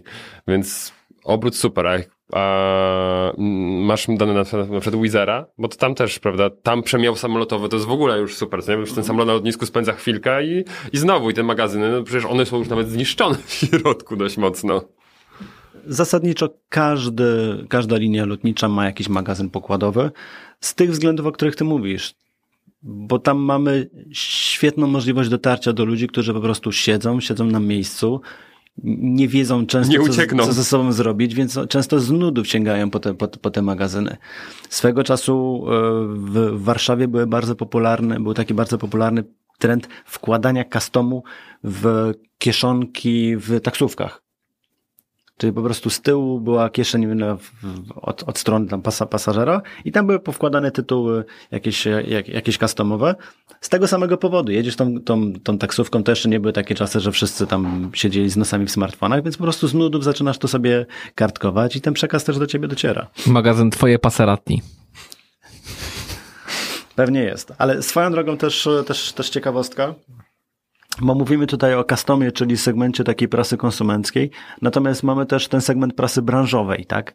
Wyspecjalizowanej. I tutaj też nie jest to nowy trend, ponieważ pierwszy magazyn branżowy e, trafił na rynek w roku 1861 przez American Bee, nazywał się American Bee Journal, czyli był wydawany przez Stowarzyszenie Amerykańskich Pszczelarzy. I to jest magazyn, który do dzisiaj też, też się ukazuje. Ale powiem wam trochę od drugiej strony. Jak wspomina, mówimy o dawnych czasach, to ja 15, 16 lat temu pracowałem w takiej korporacji finansowej jak e, ING i tam wychodziła taka gazetka takie czasopismo, to był miesięcznik, e, Baśka się To nazywał. dzisiaj jest.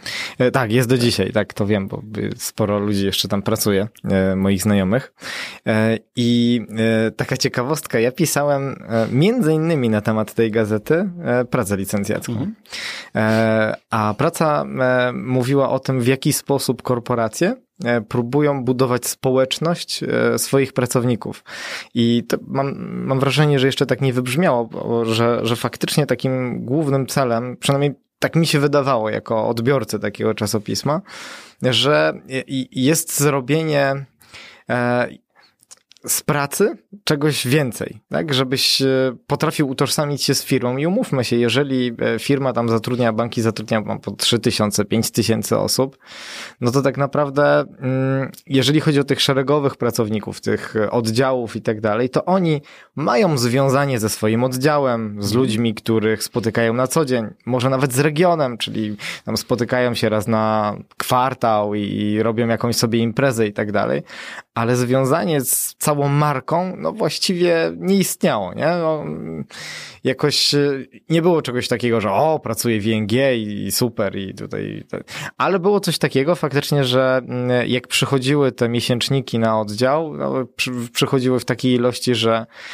nie pamiętam, czy każdy pracownik miał swój, czy po prostu, no, ale jakoś było ich sporo ogólnie, nie, nie brakowało i faktycznie każdy, Dzielili się się nimi jakoś. każdy, każdy sięgał po to i czytał. E, I były takie, e, na przykład takie elementy, że opowiadano, kto pracuje w jakim oddziale, czyli na przykład było zdjęcie po prostu całej ekipy i tam opowiedzenie o, o całej. No i szukało się gdzieś tam e, oddziałów, które się znało i tak dalej. No, Z drugiej strony jednak mam takie wrażenie, bo to, to są jakby te jasne strony, natomiast mam też wrażenie, że jak wszystko w korporacjach, czasem idzie to w przesadę. Może pójść w przesadę, niestety. I zaczyna się robić taki wewnętrzny populizm, nie? Jakby Tak tak, zwana, tak zwana tuba zarządu. Najgorsze, co można zrobić w customie. No No a to nie o to chodzi? To nie- właśnie, właśnie świetnie, że to powiedziałeś, bo to zawsze, zawsze mi się to kojarzyło. Pan przemawia do swojego ludu. Mamy gazetę firmową, ja, prezes, opowiem gdzie byłem na wakacjach, yy, pogłaszczę was trochę po głowie, mówię pracujcie, pracujcie, mróweczki moje kochane, tu macie krzyżówkę. No, i- i jako laika oczywiście, ich co z boku na to patrzy, ja mam takie wrażenie, że trochę to tak może wyglądać. I tak by to wyglądało, gdybyś Piotrze wydawał custom w swojej firmie. I widzisz, i to z czego ja się chichrałem tam jakiś czas temu, a nie mogłem dojść do głosu. Co wyobraziłem, jakby takie customowe wydawnictwo miała taka jednoosobowa działalność gospodarcza, która zatrudnia dwie osoby. I tak. A Mamy. Ma custom? No na pewno ma, na pewno ma i, i na pewno nie ma pracowników. Sam czyta. Sam... Zajebisty, Wiesz, ten potem- Rahim, Kurczę, dwa kurde. miesiące temu to napisałem. Wow, a dzisiaj po prostu ja wyprzedzam swój czas. Wie, o kurde, Malediwy, byłem, byłem, e, fajnie, fajnie. I na, na okładce zamiast zdjęcia to taka folia lustrzana. Ale na okładce, na każdej stronie. I się nazywa Dobry Magazyn. Przedsiębiorcy z wyboru. Podcast dla naznaczonych biznesem. Ale dobra, wracając do tej tuby. E, Tak. Jakby, e, wiesz, bo, bo skoro przygotowujesz takie rzeczy, to też pewnie e, no, rozmawiasz z ludźmi, którzy no, mają takie pokusy do tego, żeby faktycznie zrobić z tego taką tubę. I, i wiesz, tak. e, jak znaleźć ten balans w ogóle, wiesz, i przetłumaczyć takim e, szefom, że lepiej zrobić to zupełnie inaczej, nie? Znaczy, wydaje mi się, że częściowo sam odpo- odpowiedziałeś na to pytanie wcześniejszą historią. Bo powiedziałeś, że w, w firmie, w której pracowałeś, był wydawany magazyn i ty ten magazyn brałeś, brałeś do domu. Dlaczego go brałeś? Dlatego, bo miałeś poczucie, że to jest twój magazyn. W sensie brałeś go do ręki i miałeś takie poczucie, mnie to dotyczy. Byłeś w jakikolwiek sposób z tym, z tym związany. I tak rzeczywiście powinien działać magazyn wewnętrzny. Ludzie mieli mieć, powinni mieć takie poczucie, że to jest moje, że mnie to dotyczy. Jeżeli pójdziemy w kierunku tuby zarządu, to owszem, ta funkcja informacyjna na początku może się wydawać, że będzie realizowana.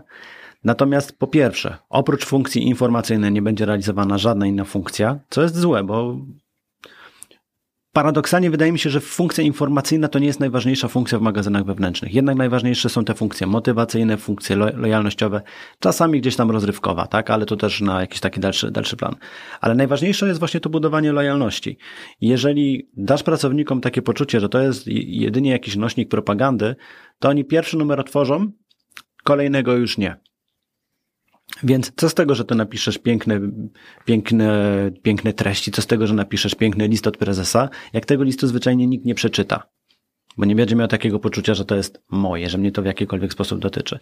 Owszem, zdarzają się jeszcze takie, takie historie, w których słyszy się, no dobra, ale my za to płacimy, więc my w tym mamy być. Natomiast na szczęście pod tym względem mm, edukacja i, i świadomość klientów bardzo mocno idzie, idzie do góry. I oni mają oni wiedzą już, że idealna sytuacja to jest taka, w której jest to magazyn dla pracowników, od pracowników. Bo jedną rzeczą jest to, że ten magazyn musi być dopasowany do tego, co pracownicy chcą czytać, ale drugą sytuacją jest to, że idealny magazyn wewnętrzny to jest taki, który pracownicy sami chcą tworzyć. Bo wtedy rzeczywiście oni są częścią tej społeczności. Oni nie są tylko biernymi konsumentami treści, ale oni mają wpływ na to, co, jak ten magazyn wygląda. Mają wpływ na to, jakiego rodzaju treści się ukazują, jakie działy, jaka tematyka jest tam poruszana, ale też sami te treści dostarczają. I wtedy jest sytuacja idealna. Z, z drugiej strony e, powiem wam, że no, miałem też okazję się otrzeć o skok Stewczyka. E, I tam, i czekajcie, bo to jest bardzo ciekawy case. Tam był, jest do dzisiaj chyba wydawana taka gazetka właściwie. Ona ma formę gazety takiej papierowej, tak jak na przykład Wyborcza czy tam Dziennik Zachodni. E, I ona jest dostępna dla klientów. Ona jest w każdym oddziale wyeksponowana i to, słuchajcie, jest taka chamska tuba propagandowa PiSu.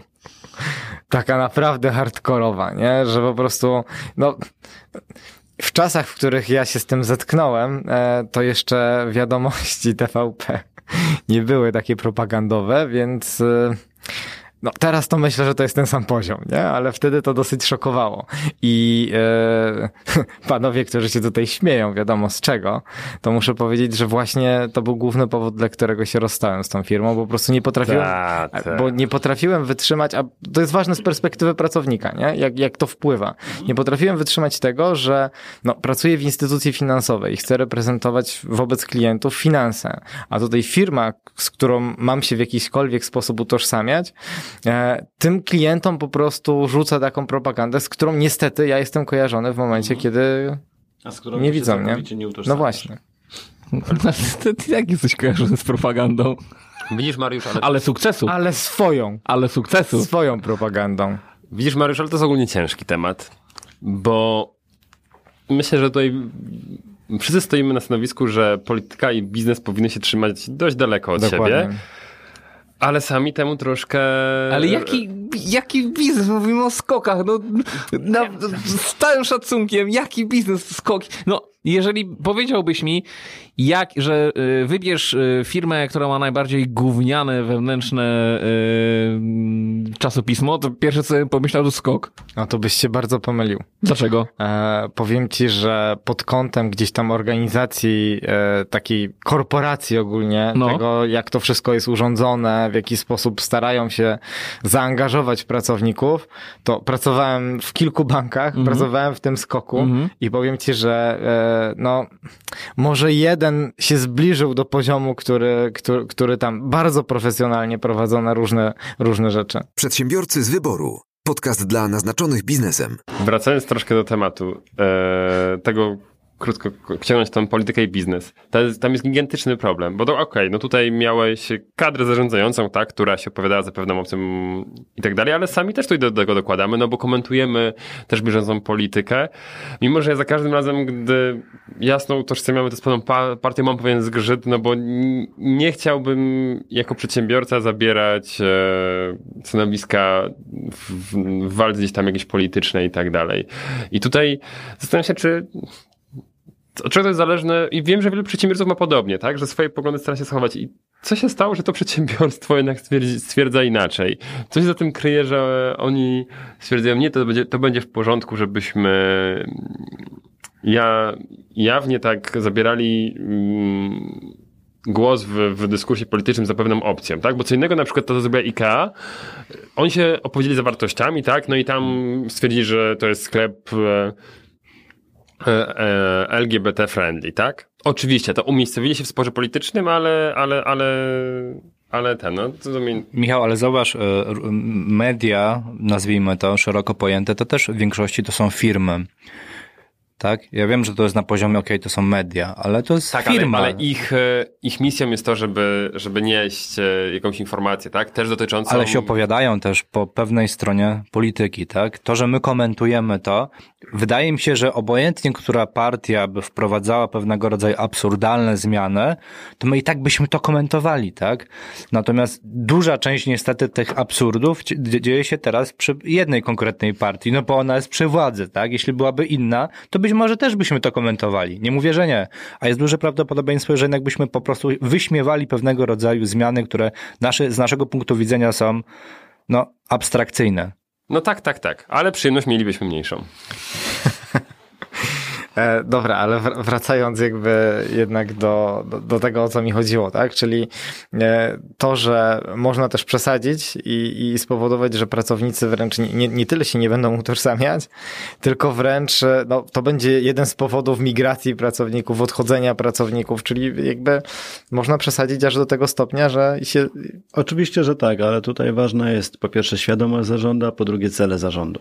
Bo też są takie firmy, które mają świadomość tego, że ich publikacja jest traktowana jako tuba zarządu, mają świadomość tego, że ludzie nie sięgają z tego względu po ich magazyn i ich to nie gryzie.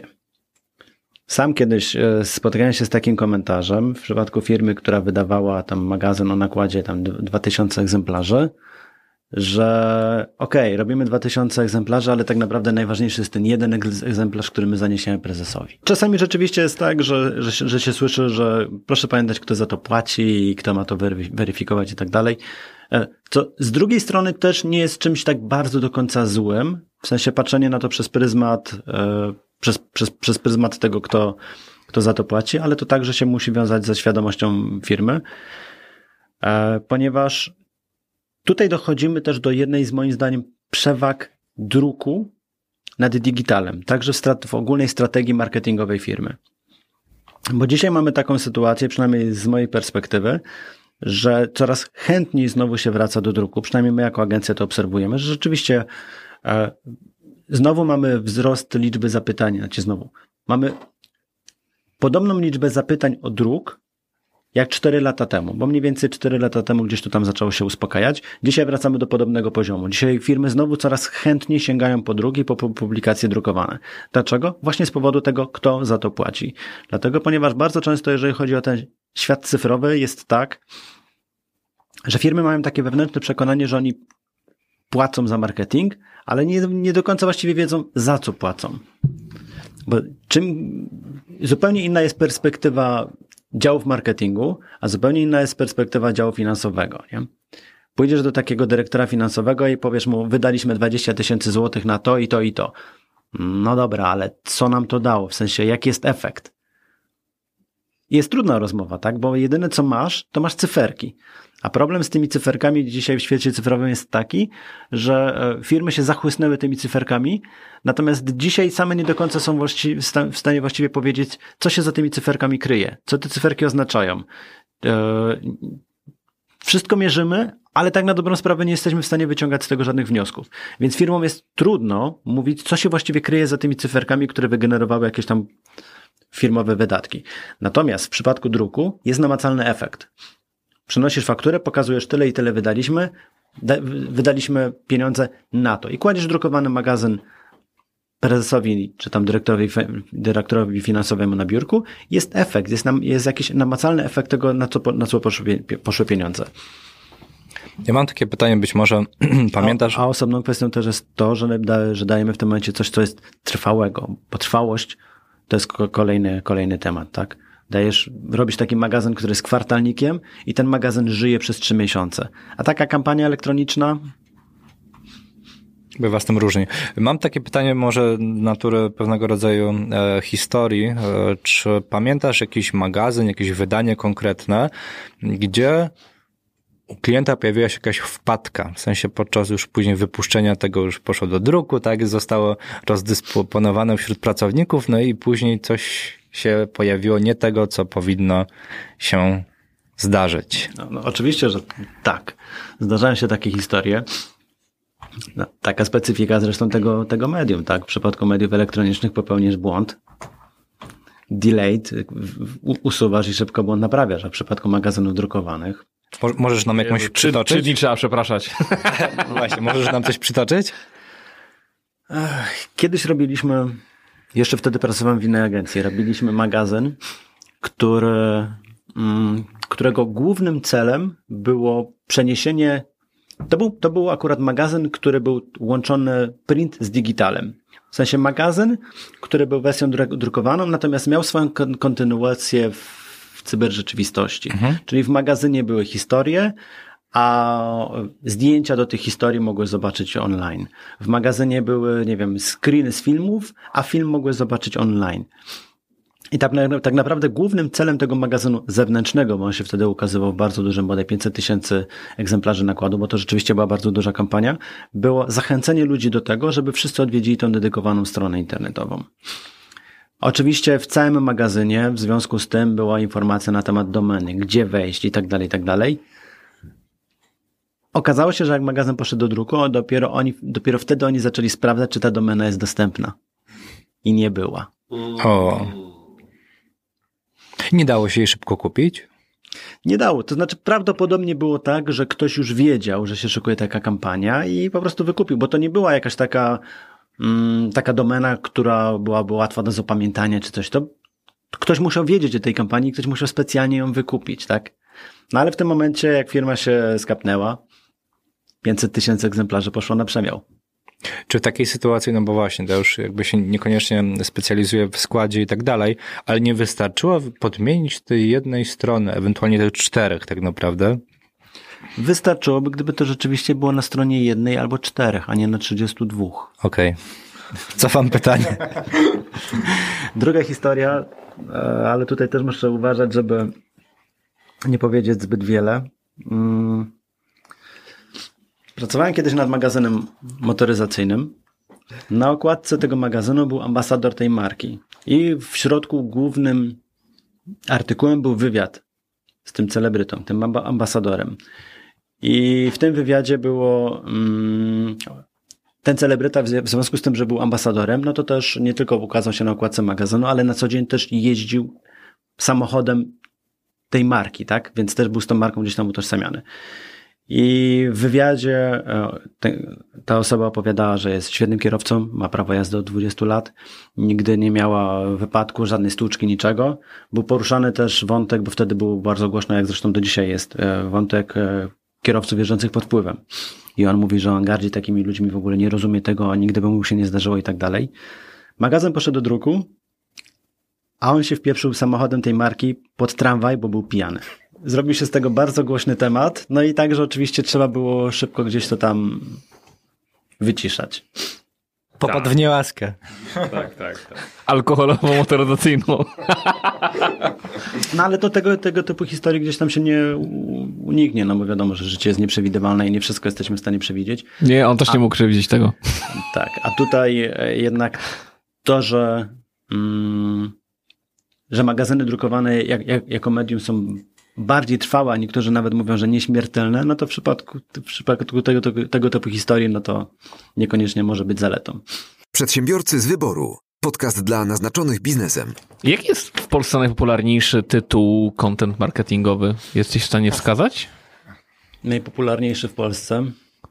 Myślę, że niedawno jeszcze wskazałbym mm, Skarb Rossmana. Przez Rossmana ukazywał, ukazywał się taki No magazyn, tak, był na racja. bardzo wysokim poziomie. Kurde, nawet ja go parę razy Tak, przeglądałem. Tak, tak. I on był naprawdę świetnie robiony na bardzo wysokim, naprawdę na bardzo wysokim poziomie. Ale teraz ten tytuł gdzieś tam od czerwca jest zawieszony. On już się nie ukazuje w druku. A czy, bo teraz mi się przypomniał Marek Jankowski Nie ma content marketingu, w sensie swoją, ma, ma, ma swoją swoją gazetę przecież. Nie? I tam o, o, o branży dziecięcej pisze. Tak, tak, branża dziecięca, ale nie wiem, czy to jest y, custom bardziej, No właśnie. czy to Nie, będzie czy- raczej To branżowa. magazyn, maga, magazyn branżowy. Aha, magazyn branżowy, to nie jest custom. Dobra, okej, okej, okej. Chciałem dopytać.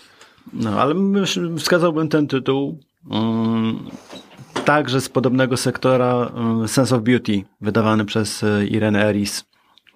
Również magazyn na bardzo wysokim poziomie, właściwie pod każdym względem. I wydaje mi się, że właśnie na tym też trochę polega siła customu, że jeżeli robisz to na naprawdę dobrym poziomie, to takie magazyny kompletnie nie mają się czego wstydzić. W sensie naprawdę możesz taki magazyn położyć na półce w Empiku i ludzie będą go kupować, będą za niego płacić, bo on będzie miał tak wysoki, tak wysoki poziom.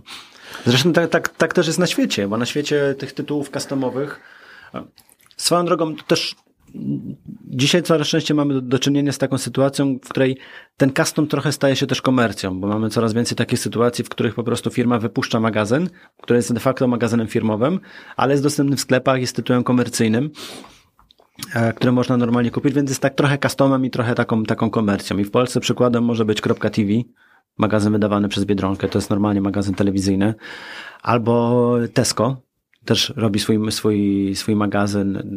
Nie pamiętam ile tam jest stron, ale to jest, to jest gruba publikacja formatu A5. To też zrobione na fajnym poziomie, ale też Netflix wydaje swój magazyn. I No. to, I to magazyn, który także można kupić w Empikach, można gdzieś tam na poczcie kupić. Magazyn, który jest po prostu magazynem telewizyjnym, ale wydawany przez Netflixa. Przedsiębiorcy z wyboru. Podcast dla naznaczonych biznesem. To teraz idźmy do przodu. Jaki jest twój największy sukces w tej branży custom? Albo czasopisma, które publikowałeś? Zależy w jaki sposób ten sukces mierzyć. Jeżeli mierzymy w klasyczny sposób, czyli nagrodami, no to gdzieś to po drodze tych nagród też trochę udało się zdobyć. E, między innymi z czego, z czego się bardzo cieszę w 2009 roku, ale to wtedy jeszcze też pracowałem w innej agencji, nie, nie na swoim. Mm, Magazyn, który wtedy prowadziłem właśnie dla pracowników Toyoty, czyli tytuł Yoshi. Yoshi! Yoshi zdobył tytuł najlepszego magazynu wewnętrznego świata. W, przez, to, to, do, dokładnie to była nagroda Pearl Award, Gold, Golden Pearl Award. A stosowaliście takie triki jak na przykład fakt, że mieliście gołą babę na, na ostatniej stronie? Nie no, na ostatniej nie. Z rozkładówką. Do rozkładu. Nowe opony Toyoty. Nie, nie było tam nagich kobiet. Nie to było. jakim cudem dostaliście nagrodę? Było to po prostu robione na całkiem niezłym poziomie. Zresztą do dzisiaj jest, chociaż po drodze ten magazyn się bardzo mocno zmienił, bo on wtedy się ukazywał w formacie A3, takim gazetowym, co było wtedy e, niestandardowe, zresztą do dzisiaj jest. Czasami się sięga po taki, taki format gazetowy A3, ale najpopularniejsze są jednak te A4 albo 205 na 265. I prywatni detektywi mogli wycinać takie kółeczka, rozkładać ją i śledzić swoją ofiarę. Tak. On był robiony wtedy na fajnym poziomie. Raz, że miał rzeczywiście bardzo nowoczesny jak na tamte czasy layout, bo to był 2009 rok, natomiast layout był taki bardzo tabloidowy, gdzie jeszcze tak bardzo wtedy się o tabloidyzacji nie mówiło, a tam już ten layout był taki bardzo tabloidowy, ponieważ był oparty na takich krótkich formach. Bo też e, tam założenie było takie, że pracowaliśmy nad czymś, co się ładnie nazywa rytm magazynu. Rytm magazynu polega na tym, żeby różnicować treści, żeby pracownik nie był znudzony. To nie mogą być wszystkie teksty tej samej objętości, tylko po prostu prowadzi się go przez cały, ty, przez cały tytuł, tytuł w kształcie takiej sinusoidy, czyli zaczynasz od artykułów krótkich, potem przechodzisz do artykułów średnich, potem dajesz jakiś duży artykuł na dwie rozkładówki, potem znowu wracasz do takich artykułów krótkich. Tam ten rytm był realizowany właśnie w ten sposób, że na jednej stronie były zarówno krótkie newsiki, malutkie wyimki w postaci takich form, które dzisiaj byśmy nazwali SMS-em czy tweetem, bo to rzeczywiście tam było w okolicach 100, 100 znaków, ale było to, było to przeplatane z artykułami na pół strony czy na całą stronę. Ja mam wrażenie, że to jak ty opowiadasz o tym content yy, ym, publishingu, Custom. Przepraszam, custom, przepraszam, custom, custom publishingu, a ten anglikanizmy wszystkie, yy, custom publishingu, to opowiadasz, ja mam wrażenie przynajmniej, że takie publikacje są znacznie bardziej profesjonalne niż takie seryjne publikacje, które są dostępne w kioskach. Tego się czasem po prostu nie da czytać. Ja mam wrażenie, że niektóre gazety w ogóle nie dbają o to, żeby się je fajnie czytało, a to jak ty opowiadasz, no bo jakby nie było, to y, custom publishing jest taką nie chcę powiedzieć gorszą, ale mniejszą formą. No jest znacznie na mniejszą, na mniejszą skalę, e, a staracie się bardziej, albo stara się bardziej niż, e, niż wiele gazet, które, którym powinno teoretycznie bardziej na tym zależeć, żeby dotrzeć do ludzi, żeby być ciekawszą. Właśnie ten rytm, o którym ty mówisz. Ja nie, nie wiem, czy, czy, czy dobrze to załapałem, ale faktycznie czasem jak czytam, to mm, ostatnio czytałem Men's Health'a Mhm. I e, tak mi się skojarzyło, że tam jest taki fajny rytm, Tak, nie? Masz tak, tak. stronę, cztery małe, potem masz dwie strony Tak, czegoś tak, dużego, tak, potem masz osiem malutkich, potem, wiesz, i to faktycznie jest taka sinusoida, e, no ale z drugiej strony większość innych y, gazet tak nie ma i jakby nie, nie wiem, czy oni w ogóle o to dbają. E, Wydaje mi się, że nie ma dlatego, bo nie musi mieć. Dlaczego? Ja bym przypisywał taką dbałość właśnie y, gazetom o dużych nakładach, a większa dbałość okazuje się... Zawsze, z- zawsze jednak w marketingu trzeba wyjść od celu, jaki ma być realizowany. Mhm. Pamiętajmy, że w tytułach komercyjnych magazyn ma się przede wszystkim sprzedawać, więc trzeba dostarczać to, co ludzie chcą, to, czego, Okej. ludzie, to cze- czego ludzie kupują, po co sięgają, tak? No i w tej chwili w Polsce, jaki jest e, najbardziej poczytny periodyk? Fakt. No fakt. Bez goła z tyłu. Nie, ja będę, ja będę, Ale nie, czasem jest też z przodu goła baba, nie? ale go... y, Różnie Ale dobra, obrócone. inaczej, no- Różnie obrócone gołe baby są. na ostatniej Na stronie. ostatniej stronie.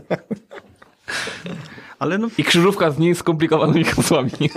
fakt, faktem jest, że tytuł komercyjny musi się sprzedawać. Jest ta cenzura pieniądza, więc w magazynie musi się znaleźć to, co przyciągnie im po prostu czytelników i przyciągnie potencjalnych reklamodawców. Czyli na przykład bił żonę kiełbasą. Dwa dni, Tak. dwa dni stał i trzymał szafę.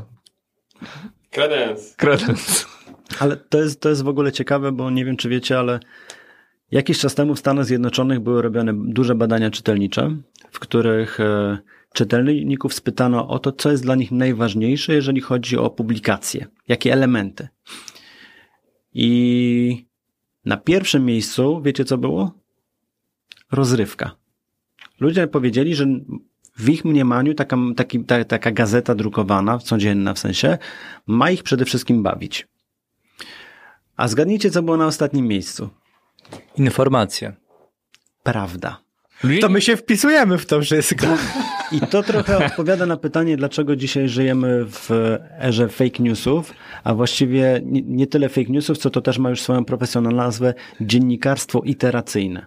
No to nie, nie, niesamowite, bo teraz to jest, to jest wow. Czyli TVP jest przed wszystkimi. To oni e, są przed wszystkimi, bo mają świadomość tego, że najpierw ma cię dobawić. No nie bardzo bawią wiadomości TVP. nie ma tam być pra- nie ma, para, nie ma tam prawdy. Znaczy prawda jest jak są napisy, nie kto realizował. To jest chyba jedyna prawda, która jest... Różnie. A różnie może Tak samo z tymi przypisami, nie? Tak. Paski w TVP le- le- Nie, legendarne. musi być więcej nazwisk niż Ja- Jacek Kurski. Nie? nie może być napisane, że on to... Nie pomyśl Jacek Kurski, realizacja Jacek Kurski. Reżyseria. Reżyseria. Wiesz, wiadomości. Reżyserował. Kategoria Jacek. E, inspirowane? Jackiem Kurskim. Nie. Inspirowane prawdziwymi wydarzeniami. Zbieżność nazwisk z, z prawdziwymi bohaterami zupełnie przypadkowa. Tak, to powinno być pod, pod koniec wiadomości, prawda? Ale to jest niesamowite, kurde, czyli, czyli de facto, na przykład tak, The Sun jest takim, nie? Jest, jest takim naj, najsłynniejszym, znaczy chciałem powiedzieć głównym, ale teoretycznie z tego, co powiedziałeś, to to jest, oni idealnie wpisują się w to, czego ludzie chcą. Tak. TVP też. To są tytuły, które nigdy nie zginą. Ta, fakt też. Tu kawał, tu coś śmiesznego, tu coś z życia gwiazd. W tej chwili, jeśli dobrze pamiętam, to fakt ukazuje się w takim dziennym nakładzie 300 tysięcy egzemplarzy. Przedsiębiorcy z wyboru. Podcast dla naznaczonych biznesem. Jeśli chodzi o nakłady, to też żebyś taka ciekawostka, faktycznie jakby fakt jest na, na num, numerem jeden, natomiast jednym z wyższych wzrostów sprzedaży z zestawieniem właśnie mógł się pochwalić puls biznesu. A tam przede wszystkim są poruszane informacje i fakty. No ale może dlatego, że puls biznesu, wiesz, yy, to jest też fajny chwyt marketingowy, na przykład robicie yy, 60 tysięcy nakładu, potem schodzicie na jeden miesiąc i drukujecie na przykład 2000 egzemplarzy, a potem drukujecie znowu 60 tysięcy i jaki macie procent wzrostu? Puf. A- Druga to jest Super Express, nie? No to Ale to, to jest niesamowite, że Super Express de facto yy, został zdetronizowany. No. Nie? Przez fakt. Nagle, bo- bo to Super Excel zawsze wypełniał takie, ni, nie chcę powiedzieć, nie, nie, absolutnie niszowe, ale niskie potrzeby polskiego czytelnika. To I nagle, to o połowę. O połowę, no bo e, faktem a teraz jak gdzieś tutaj rzuciłem e, okiem, no to d- 236 tysięcy egzemplarzy. Już wam mówię, fakt 320 tysięcy. Super Express 180 tysięcy. Niesamowite. Ja mam z marca e, aktualności, więc może już nieaktualne. A to są z lipca. Okej. Przedsiębiorcy z wyboru. Podcast dla naznaczonych biznesem. Jako cieka- ciekawostkę, kojarzycie zapewne portal CNET, prawda? Największy, największy technologiczny portal świata. Amerykański portal z recenzjami. Ale jak jest po angielsku, to nie. Na pewno Paweł czyta.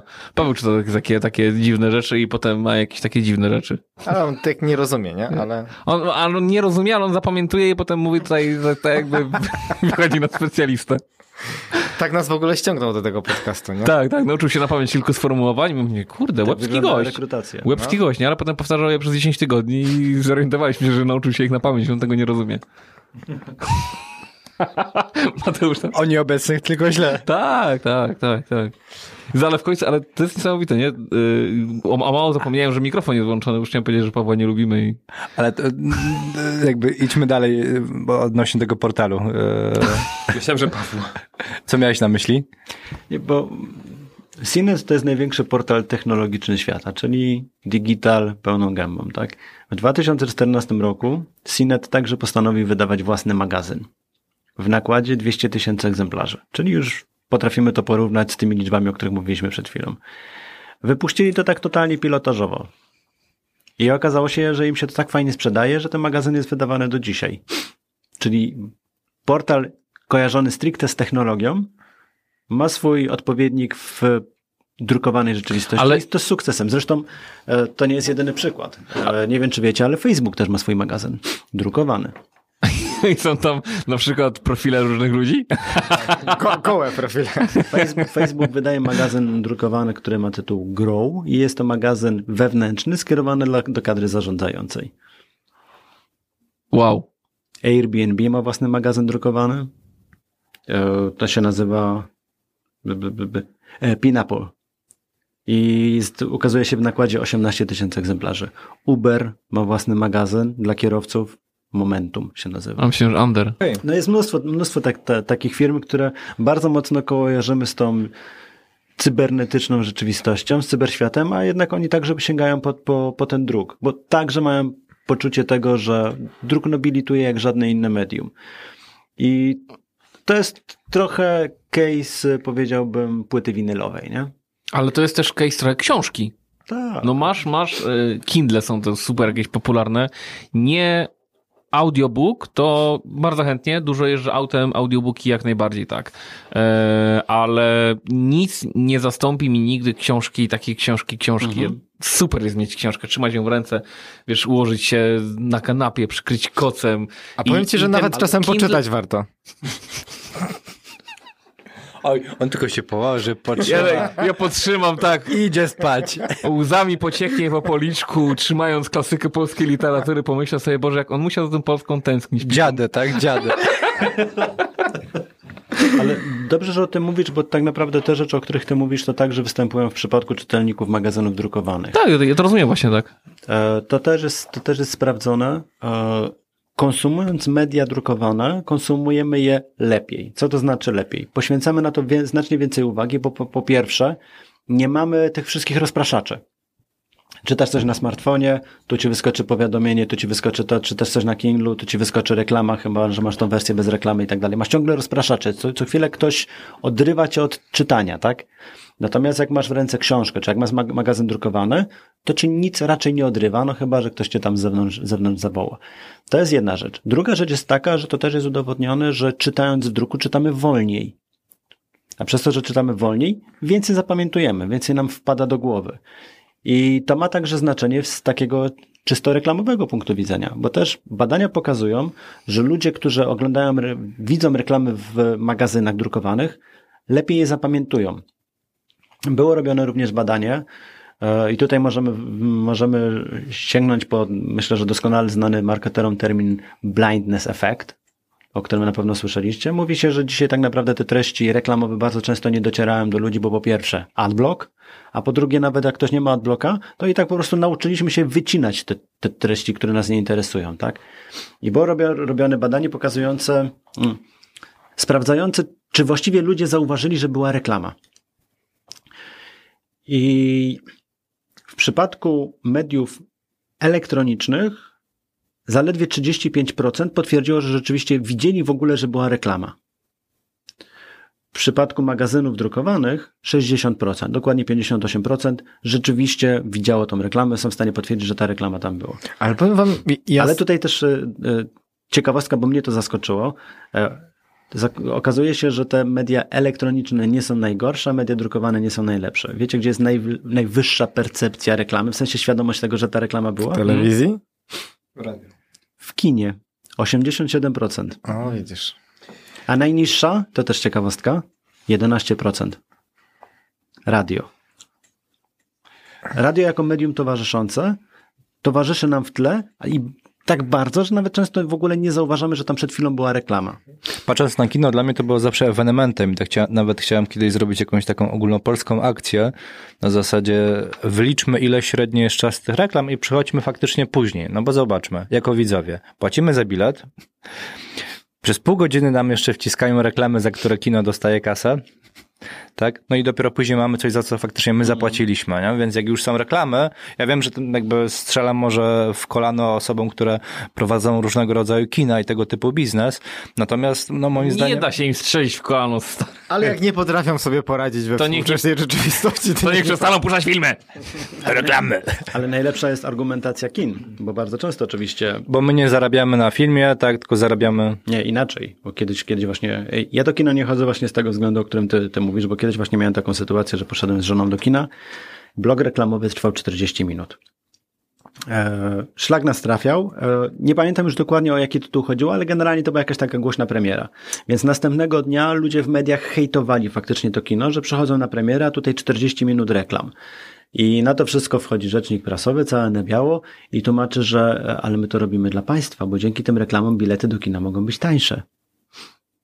No to jak ja usłyszałem taki komunikat, to ja mówię, to ja podziękuję. To nie powinien prowadzić kina. To ja sobie kupuję w Netflixie czy gdzieś tam. Nie? Ale, ale powiem wam, że ja tak jak nie lubię e, reklam, oczywiście w, przed filmem, to uwielbiam zwiastuny. Też tak macie, że jakby to, to jest, nie tyle jestem w stanie wybaczyć, co jest to dla mnie jakieś, e, nawet wybieram czasem filmy, że okej, okay, fajny no, był Takie naturalne, no chcę pokazać, co się dzieje i przyciągają do kina, nie? No lepiej przyciągają do kina niż e, kupując Kinder Bueno. Ale myślę, że za zwiastuny też się płaci, nie? No to też jest reklama, mhm. więc też na pewno. Ale inna forma, nie? No in, właśnie, mądrzejsza forma, dopasowana do odbiorcy, który tam siedzi, czyli to jest znowu content, znaczy, ja bym, nie? Ja bym zaryzykował stwierdzenie, że tutaj dochodzi nam storytelling, który no. w zwiastunach jest. O, właśnie. W reklamach go nie ma, w dobrych reklamach storytelling również jest, bo przecież to są takie reklamy, które nas przyciągają, które nam się podobają i tak naprawdę tym elementem, który wyróżnia dobrą reklamę, to jest historia. No tak? o tym sporo już rozmawialiśmy w jednym tak. z odcinków, natomiast e, powiem wam, bo mówiłeś o tych czasopismach i o tych, mhm. że tam e, macie też tak, że bo jakoś bardzo często czasopism nie czytam, ale od czasu do czasu tak i faktycznie wtedy przeglądam te reklamy. W sensie to nie jest tak,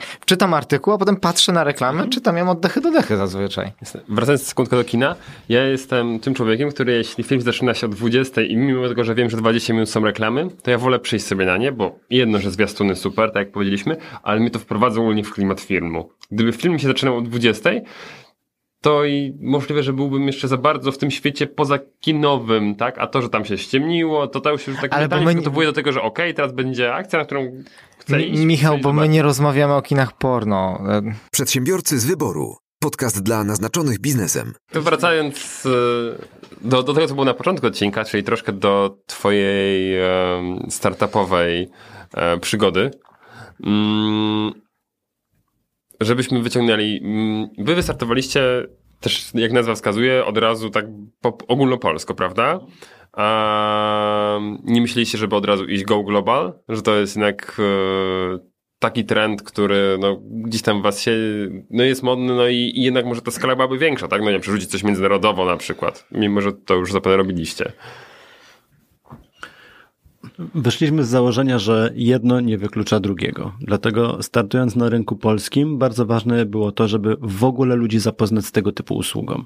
Bo była to usługa e, nowa I zadaniem Jadę Zabiory było przekonanie ludzi nie tylko do siebie jako do firmy, ale także do nowej formy wysyłania przesyłek. Tak więc wiemy o tym, że mamy tutaj jedno z wyzwań pod tytułem e, bariera zaufania. Tak. Co prawda mieliśmy już tutaj troszeczkę ułatwione zadanie, no bo wcześniej był BlaBlaCar. Ten BlaBlaCar, jeżeli chodzi o kwestię zaufania, zrobił bardzo dużą robotę, no bo pokazał ludziom, że wsiąść z obcym człowiekiem do samochodu to wcale nie oznacza nic strasznego, a jest tym wiele korzyści. Tak więc my startując z paczkami, które dajesz obcej osobie, już mieliśmy troszeczkę łatwiej, ale mimo to wiedzieliśmy o tym, że musimy powalczyć mocno o zaufanie. Stąd nazwa, która miała być właśnie taka swojska, prosta, polska i jednocześnie tak od razu mówiąca o tym, co to jest, tak?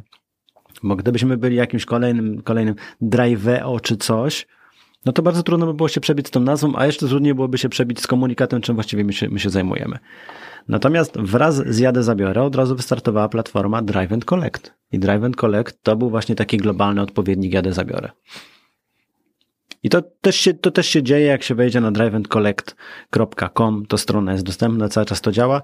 Natomiast w, w, tej chwili wciąż jednak firma się przede wszystkim koncentruje na tym rynku polskim, tutaj jest bardzo dużo do, dużo do zrobienia, zresztą my sami wewnętrznie też mamy bardzo dużo do zrobienia i gdzieś tam uporządkowania. Przedsiębiorcy z wyboru. Podcast dla naznaczonych biznesem. Okej, okay. dobrze umiejscowiam Was w obszarze sharing ekonomii. Bardzo dobrze. Bardzo dobrze, to super. E, a nie masz wrażenia, że troszkę moda na sharing ekonomii spadła? Nie wiem, ja mam wrażenie, że rok temu, dwa lata temu to był straszny boom, a teraz troszkę mamy falę uderzeniową, ale to już nie jest y, ciągle... Ja się spodziewałem, że ten trend będzie bardzo mocno szedł w górę, a teraz tak mam wrażenie, że on miał swój taki mocny rozkwit, a teraz tak raczej troszkę ucicha. Nie, nie, nie, nie masz takiego wrażenia? E, I tak i nie. To znaczy rzeczywiście jest tak, że termin sharing economy jako termin gdzieś tam w mediach wygasa. Natomiast jako um, idea ekonomii, jako podstawa usługi, to to ciągle się rozwija. Natomiast trochę pod innymi nazwami, tak naprawdę dzisiaj się już odchodzi od pojęcia sharing ekonomii. Raczej się operuje pojęciem collaborative economy bo to jest pojęcie po prostu szersze i pojęcie, które jest nadrzędne względem sharing, tak? To jest co, coś więcej. Bo ten sharing ekonomii to nam się jednak kojarzy po prostu z taką inicjatywą oddolną, z jakimś takim ruchem społecznym, mm, mocne słowo, które właśnie polega na tym, że my jako społeczeństwo po prostu mamy czegoś w nadmiarze albo coś, czego nie potrzebujemy i to udostępniamy. Natomiast collaborative economy uwzględnia także te firmy, które faktycznie e, dają możliwość budowania takich marketplace'ów, ale na dzień dobry są nastawione na zarabianie, a nie tylko na udostępnianie, tak? Czyli przykładem jest tutaj Uber. Hulajnogi, czy nie? Naj, nie, może być, nie może być odcinka, gdzie ma to już nie powiedzieć o hulajnodze pewnie również, chociaż tutaj bym się naprawdę zastanowił, no bo wiesz, jeżeli mam tą hulajnogę i ona mi stoi w garażu i ją udostępniam, no to to jest czysty sharing, tak? Mhm. Natomiast jeżeli mamy firmę, która od razu na dzień dobry startuje z flotą kilkudziesięciu tysięcy takich hulajnog, no to okej, okay, możemy mówić tutaj że o collaborative, ale niekoniecznie o sharing ekonomii. I tak samo jest Uber, w przypadku Ubera, nie? gdzie bardzo często się dyskutowało na temat tego, dlaczego Uber właściwie jest nazywany platformą sharing economy, sharing economy skoro tak naprawdę oni wyszli startowali z takiego trochę pozycji korporacji, nie? Dlatego dzisiaj już w kontekście Ubera nie mówi się sharing economy, ale collaborative economy jak najbardziej. I coraz więcej jest tego typu platform. Natomiast e, dzisiaj już te platformy wyszły z takiego okresu niemowlęcego i zaczynają coraz częściej mieć problemy tego wieku już bardziej dojrzałego, nie? Czyli już e, problemy Mówiąc starczy z... problemy z erekcją, z oddychaniem, tak. serce. Tak, bo o nieobecnych tylko źle. Bo o nieobecnych tylko źle, a to Paweł. tak, tak, tak. Nie, główne problemy to są problemy natury legislacyjnej, w tym bym powiedział w tej chwili. W sensie to już jest taka siła, że trudno jest to, tego nie zauważyć, więc e, coraz... To się wymknęło spod kontroli, której wcześniej nie było w zasadzie. Nie do końca. Weszło w, w obszar, który chyba jest kontrolowany. Tak. To znaczy, e, nie powiedziałbym, że to się wymknęło spod kontroli, tylko ktoś nam powiedział, że koniecznie trzeba to kontrolować. Raczej bym w taki sposób to powiedział. Natomiast. Chodziło mi bardziej, że wymknęło się spod kontroli władzy. No bo władza jej wcześniej tego nie kontrolowała, nie? Władza nabrała takiego po poczucia, że nie ma nad tym kontroli, a powinna mieć, e, niekoniecznie dla dobra samych platform, ale też dla konsumentów, tak? Ponieważ tego typu platformy, jak w ogóle cały rynek, uważam, ma cudowną umiejętność autoregulacji, tak? I my się sami regulujemy. W sensie głównym regulatorem są potrzeby klientów, rozwiązywanie ich problemów i I tutaj następuje regulacja. Jeżeli widzimy, że barierą jest kwestia zaufania, to sami wewnętrznie czujemy, że powinniśmy te kwestie związane z weryfikacją, zaufaniem uregulować i dać ludziom poczucie, patrzcie, można nam zaufać, można z nas korzystać i wcale nie potrzebujemy do tego ustaw. Swoją drogą, jak, jak wszyscy wiemy, ten proces legislacji i tak jest tak bardzo rozwleczony w czasie, chociaż tutaj akurat dzisiaj padło coś, coś innego, że zanim ustawodawcy wymyślą ustawę, to ona już i tak dawno nie pasuje do realiów rynku. Ale to, to, o czym ty mówisz, to jest taki. IT nadało taki pęd rozwojowi, że ta legislacja nie nadążała już lata temu. Oczywiście, Jak tak. my cofniemy się na przykład do lat 90., to prawo nie nadążało za realiami już wtedy. To co dopiero teraz, jak pojawił się Facebook, Google, IT, nie ma takiej szansy, więc trzeba zastanowić się, czy to prawo nie zrobić, może inaczej, żeby, żeby, żeby ograniczyć liczbę ustaw, ale żeby ono też żyło. Takie, takim żyjącym prawem jest y, może jakieś wprowadzenie elementów anglosaskich, no bo, no bo tam, tam łatwiej jest, jak prawo też żyje. Prawo u nas jest martwe, dlaczego? Jest spisane, jest takie, a nie inne i tyle. Nie ma możliwości jego aktywnej mo, modyfikacji. nie? A, a już dawno legislacja nie nadążała za realiami, więc no nie wiem, no Ale tak, tak, tak myślę, było w dyskusji. Dobrym przykładem tutaj jest e, akurat z mojego podwórka prawo prasowe. Ten model, z którego my, my wciąż korzystamy, to jest model, który w praktycznie niezmienionej postaci został wprowadzony w 1997 roku. Ale za niedługo się może coś zmienić. Zapewne tak, bo tak jak mówię, te prace trwają i, i trwały. To prawo prasowe gdzieś tam po drodze się zmie- zmieniało, ale wciąż nie nadąża za wymaganiami dzisiejszej branży publishingowej. Najlepszym przykładem tego jest e, instytucja autoryzacji. Największa zmora dziennikarzy, autoryzacja, która jako pojęcie też się gdzieś tam pojawiło w 97 roku, gdzie jednak e, ten proces autoryzacji, szybkość mediów i tak dalej była na zupełnie innym poziomie, jak jest dzisiaj, a ciągle są te zasady autoryzacji. Oj tam, oj tam. Zobaczysz, za niedługo będziesz chwalił to, co jest teraz. A jak sobie nie będziesz dawał rady, to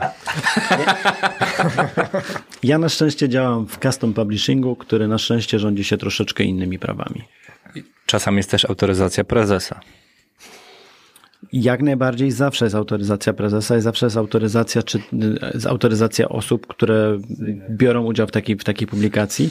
Natomiast ta autoryzacja ma zupełnie inne cele. W sensie autoryzując treści w customie, raczej chodzi po prostu o to, żeby dobrze oddać intencje, też mieć poczucie, że się czegoś nie pokręciło.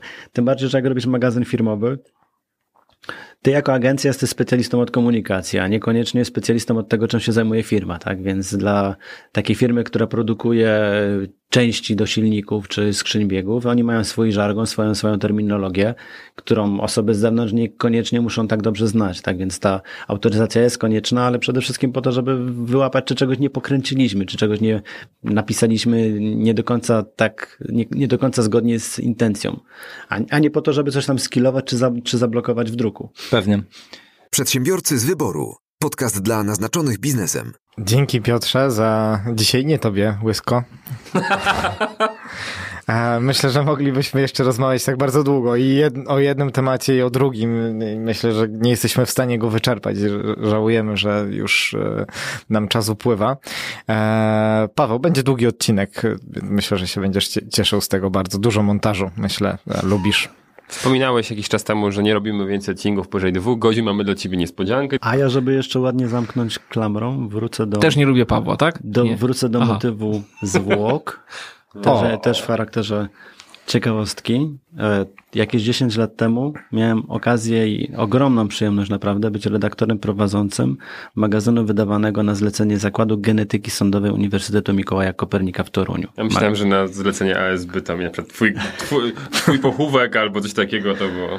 Nie, nie, ale swoją drogą podjąłbym się tego. I, i, i, I to był magazyn, który się nazywał Genetyka i Prawo i odbiorcami tego magazynu byli medycy sądowi, prawnicy, adwokaci, generalnie branża, branża sądowa. Raczej gdzieś to na zewnątrz nie wychodziło. To był custom, ale to był taki custom rzeczywiście po hardkorze, bo my tam pisaliśmy o zwłokach, pisaliśmy o metodach ustalania sprawców morderstw, o metodach ustalania czasu zgonu na podstawie, nie wiem, larw, much, plujek i tak dalej. Na pewno ciekawe, e, ciekawe zdjęcia były.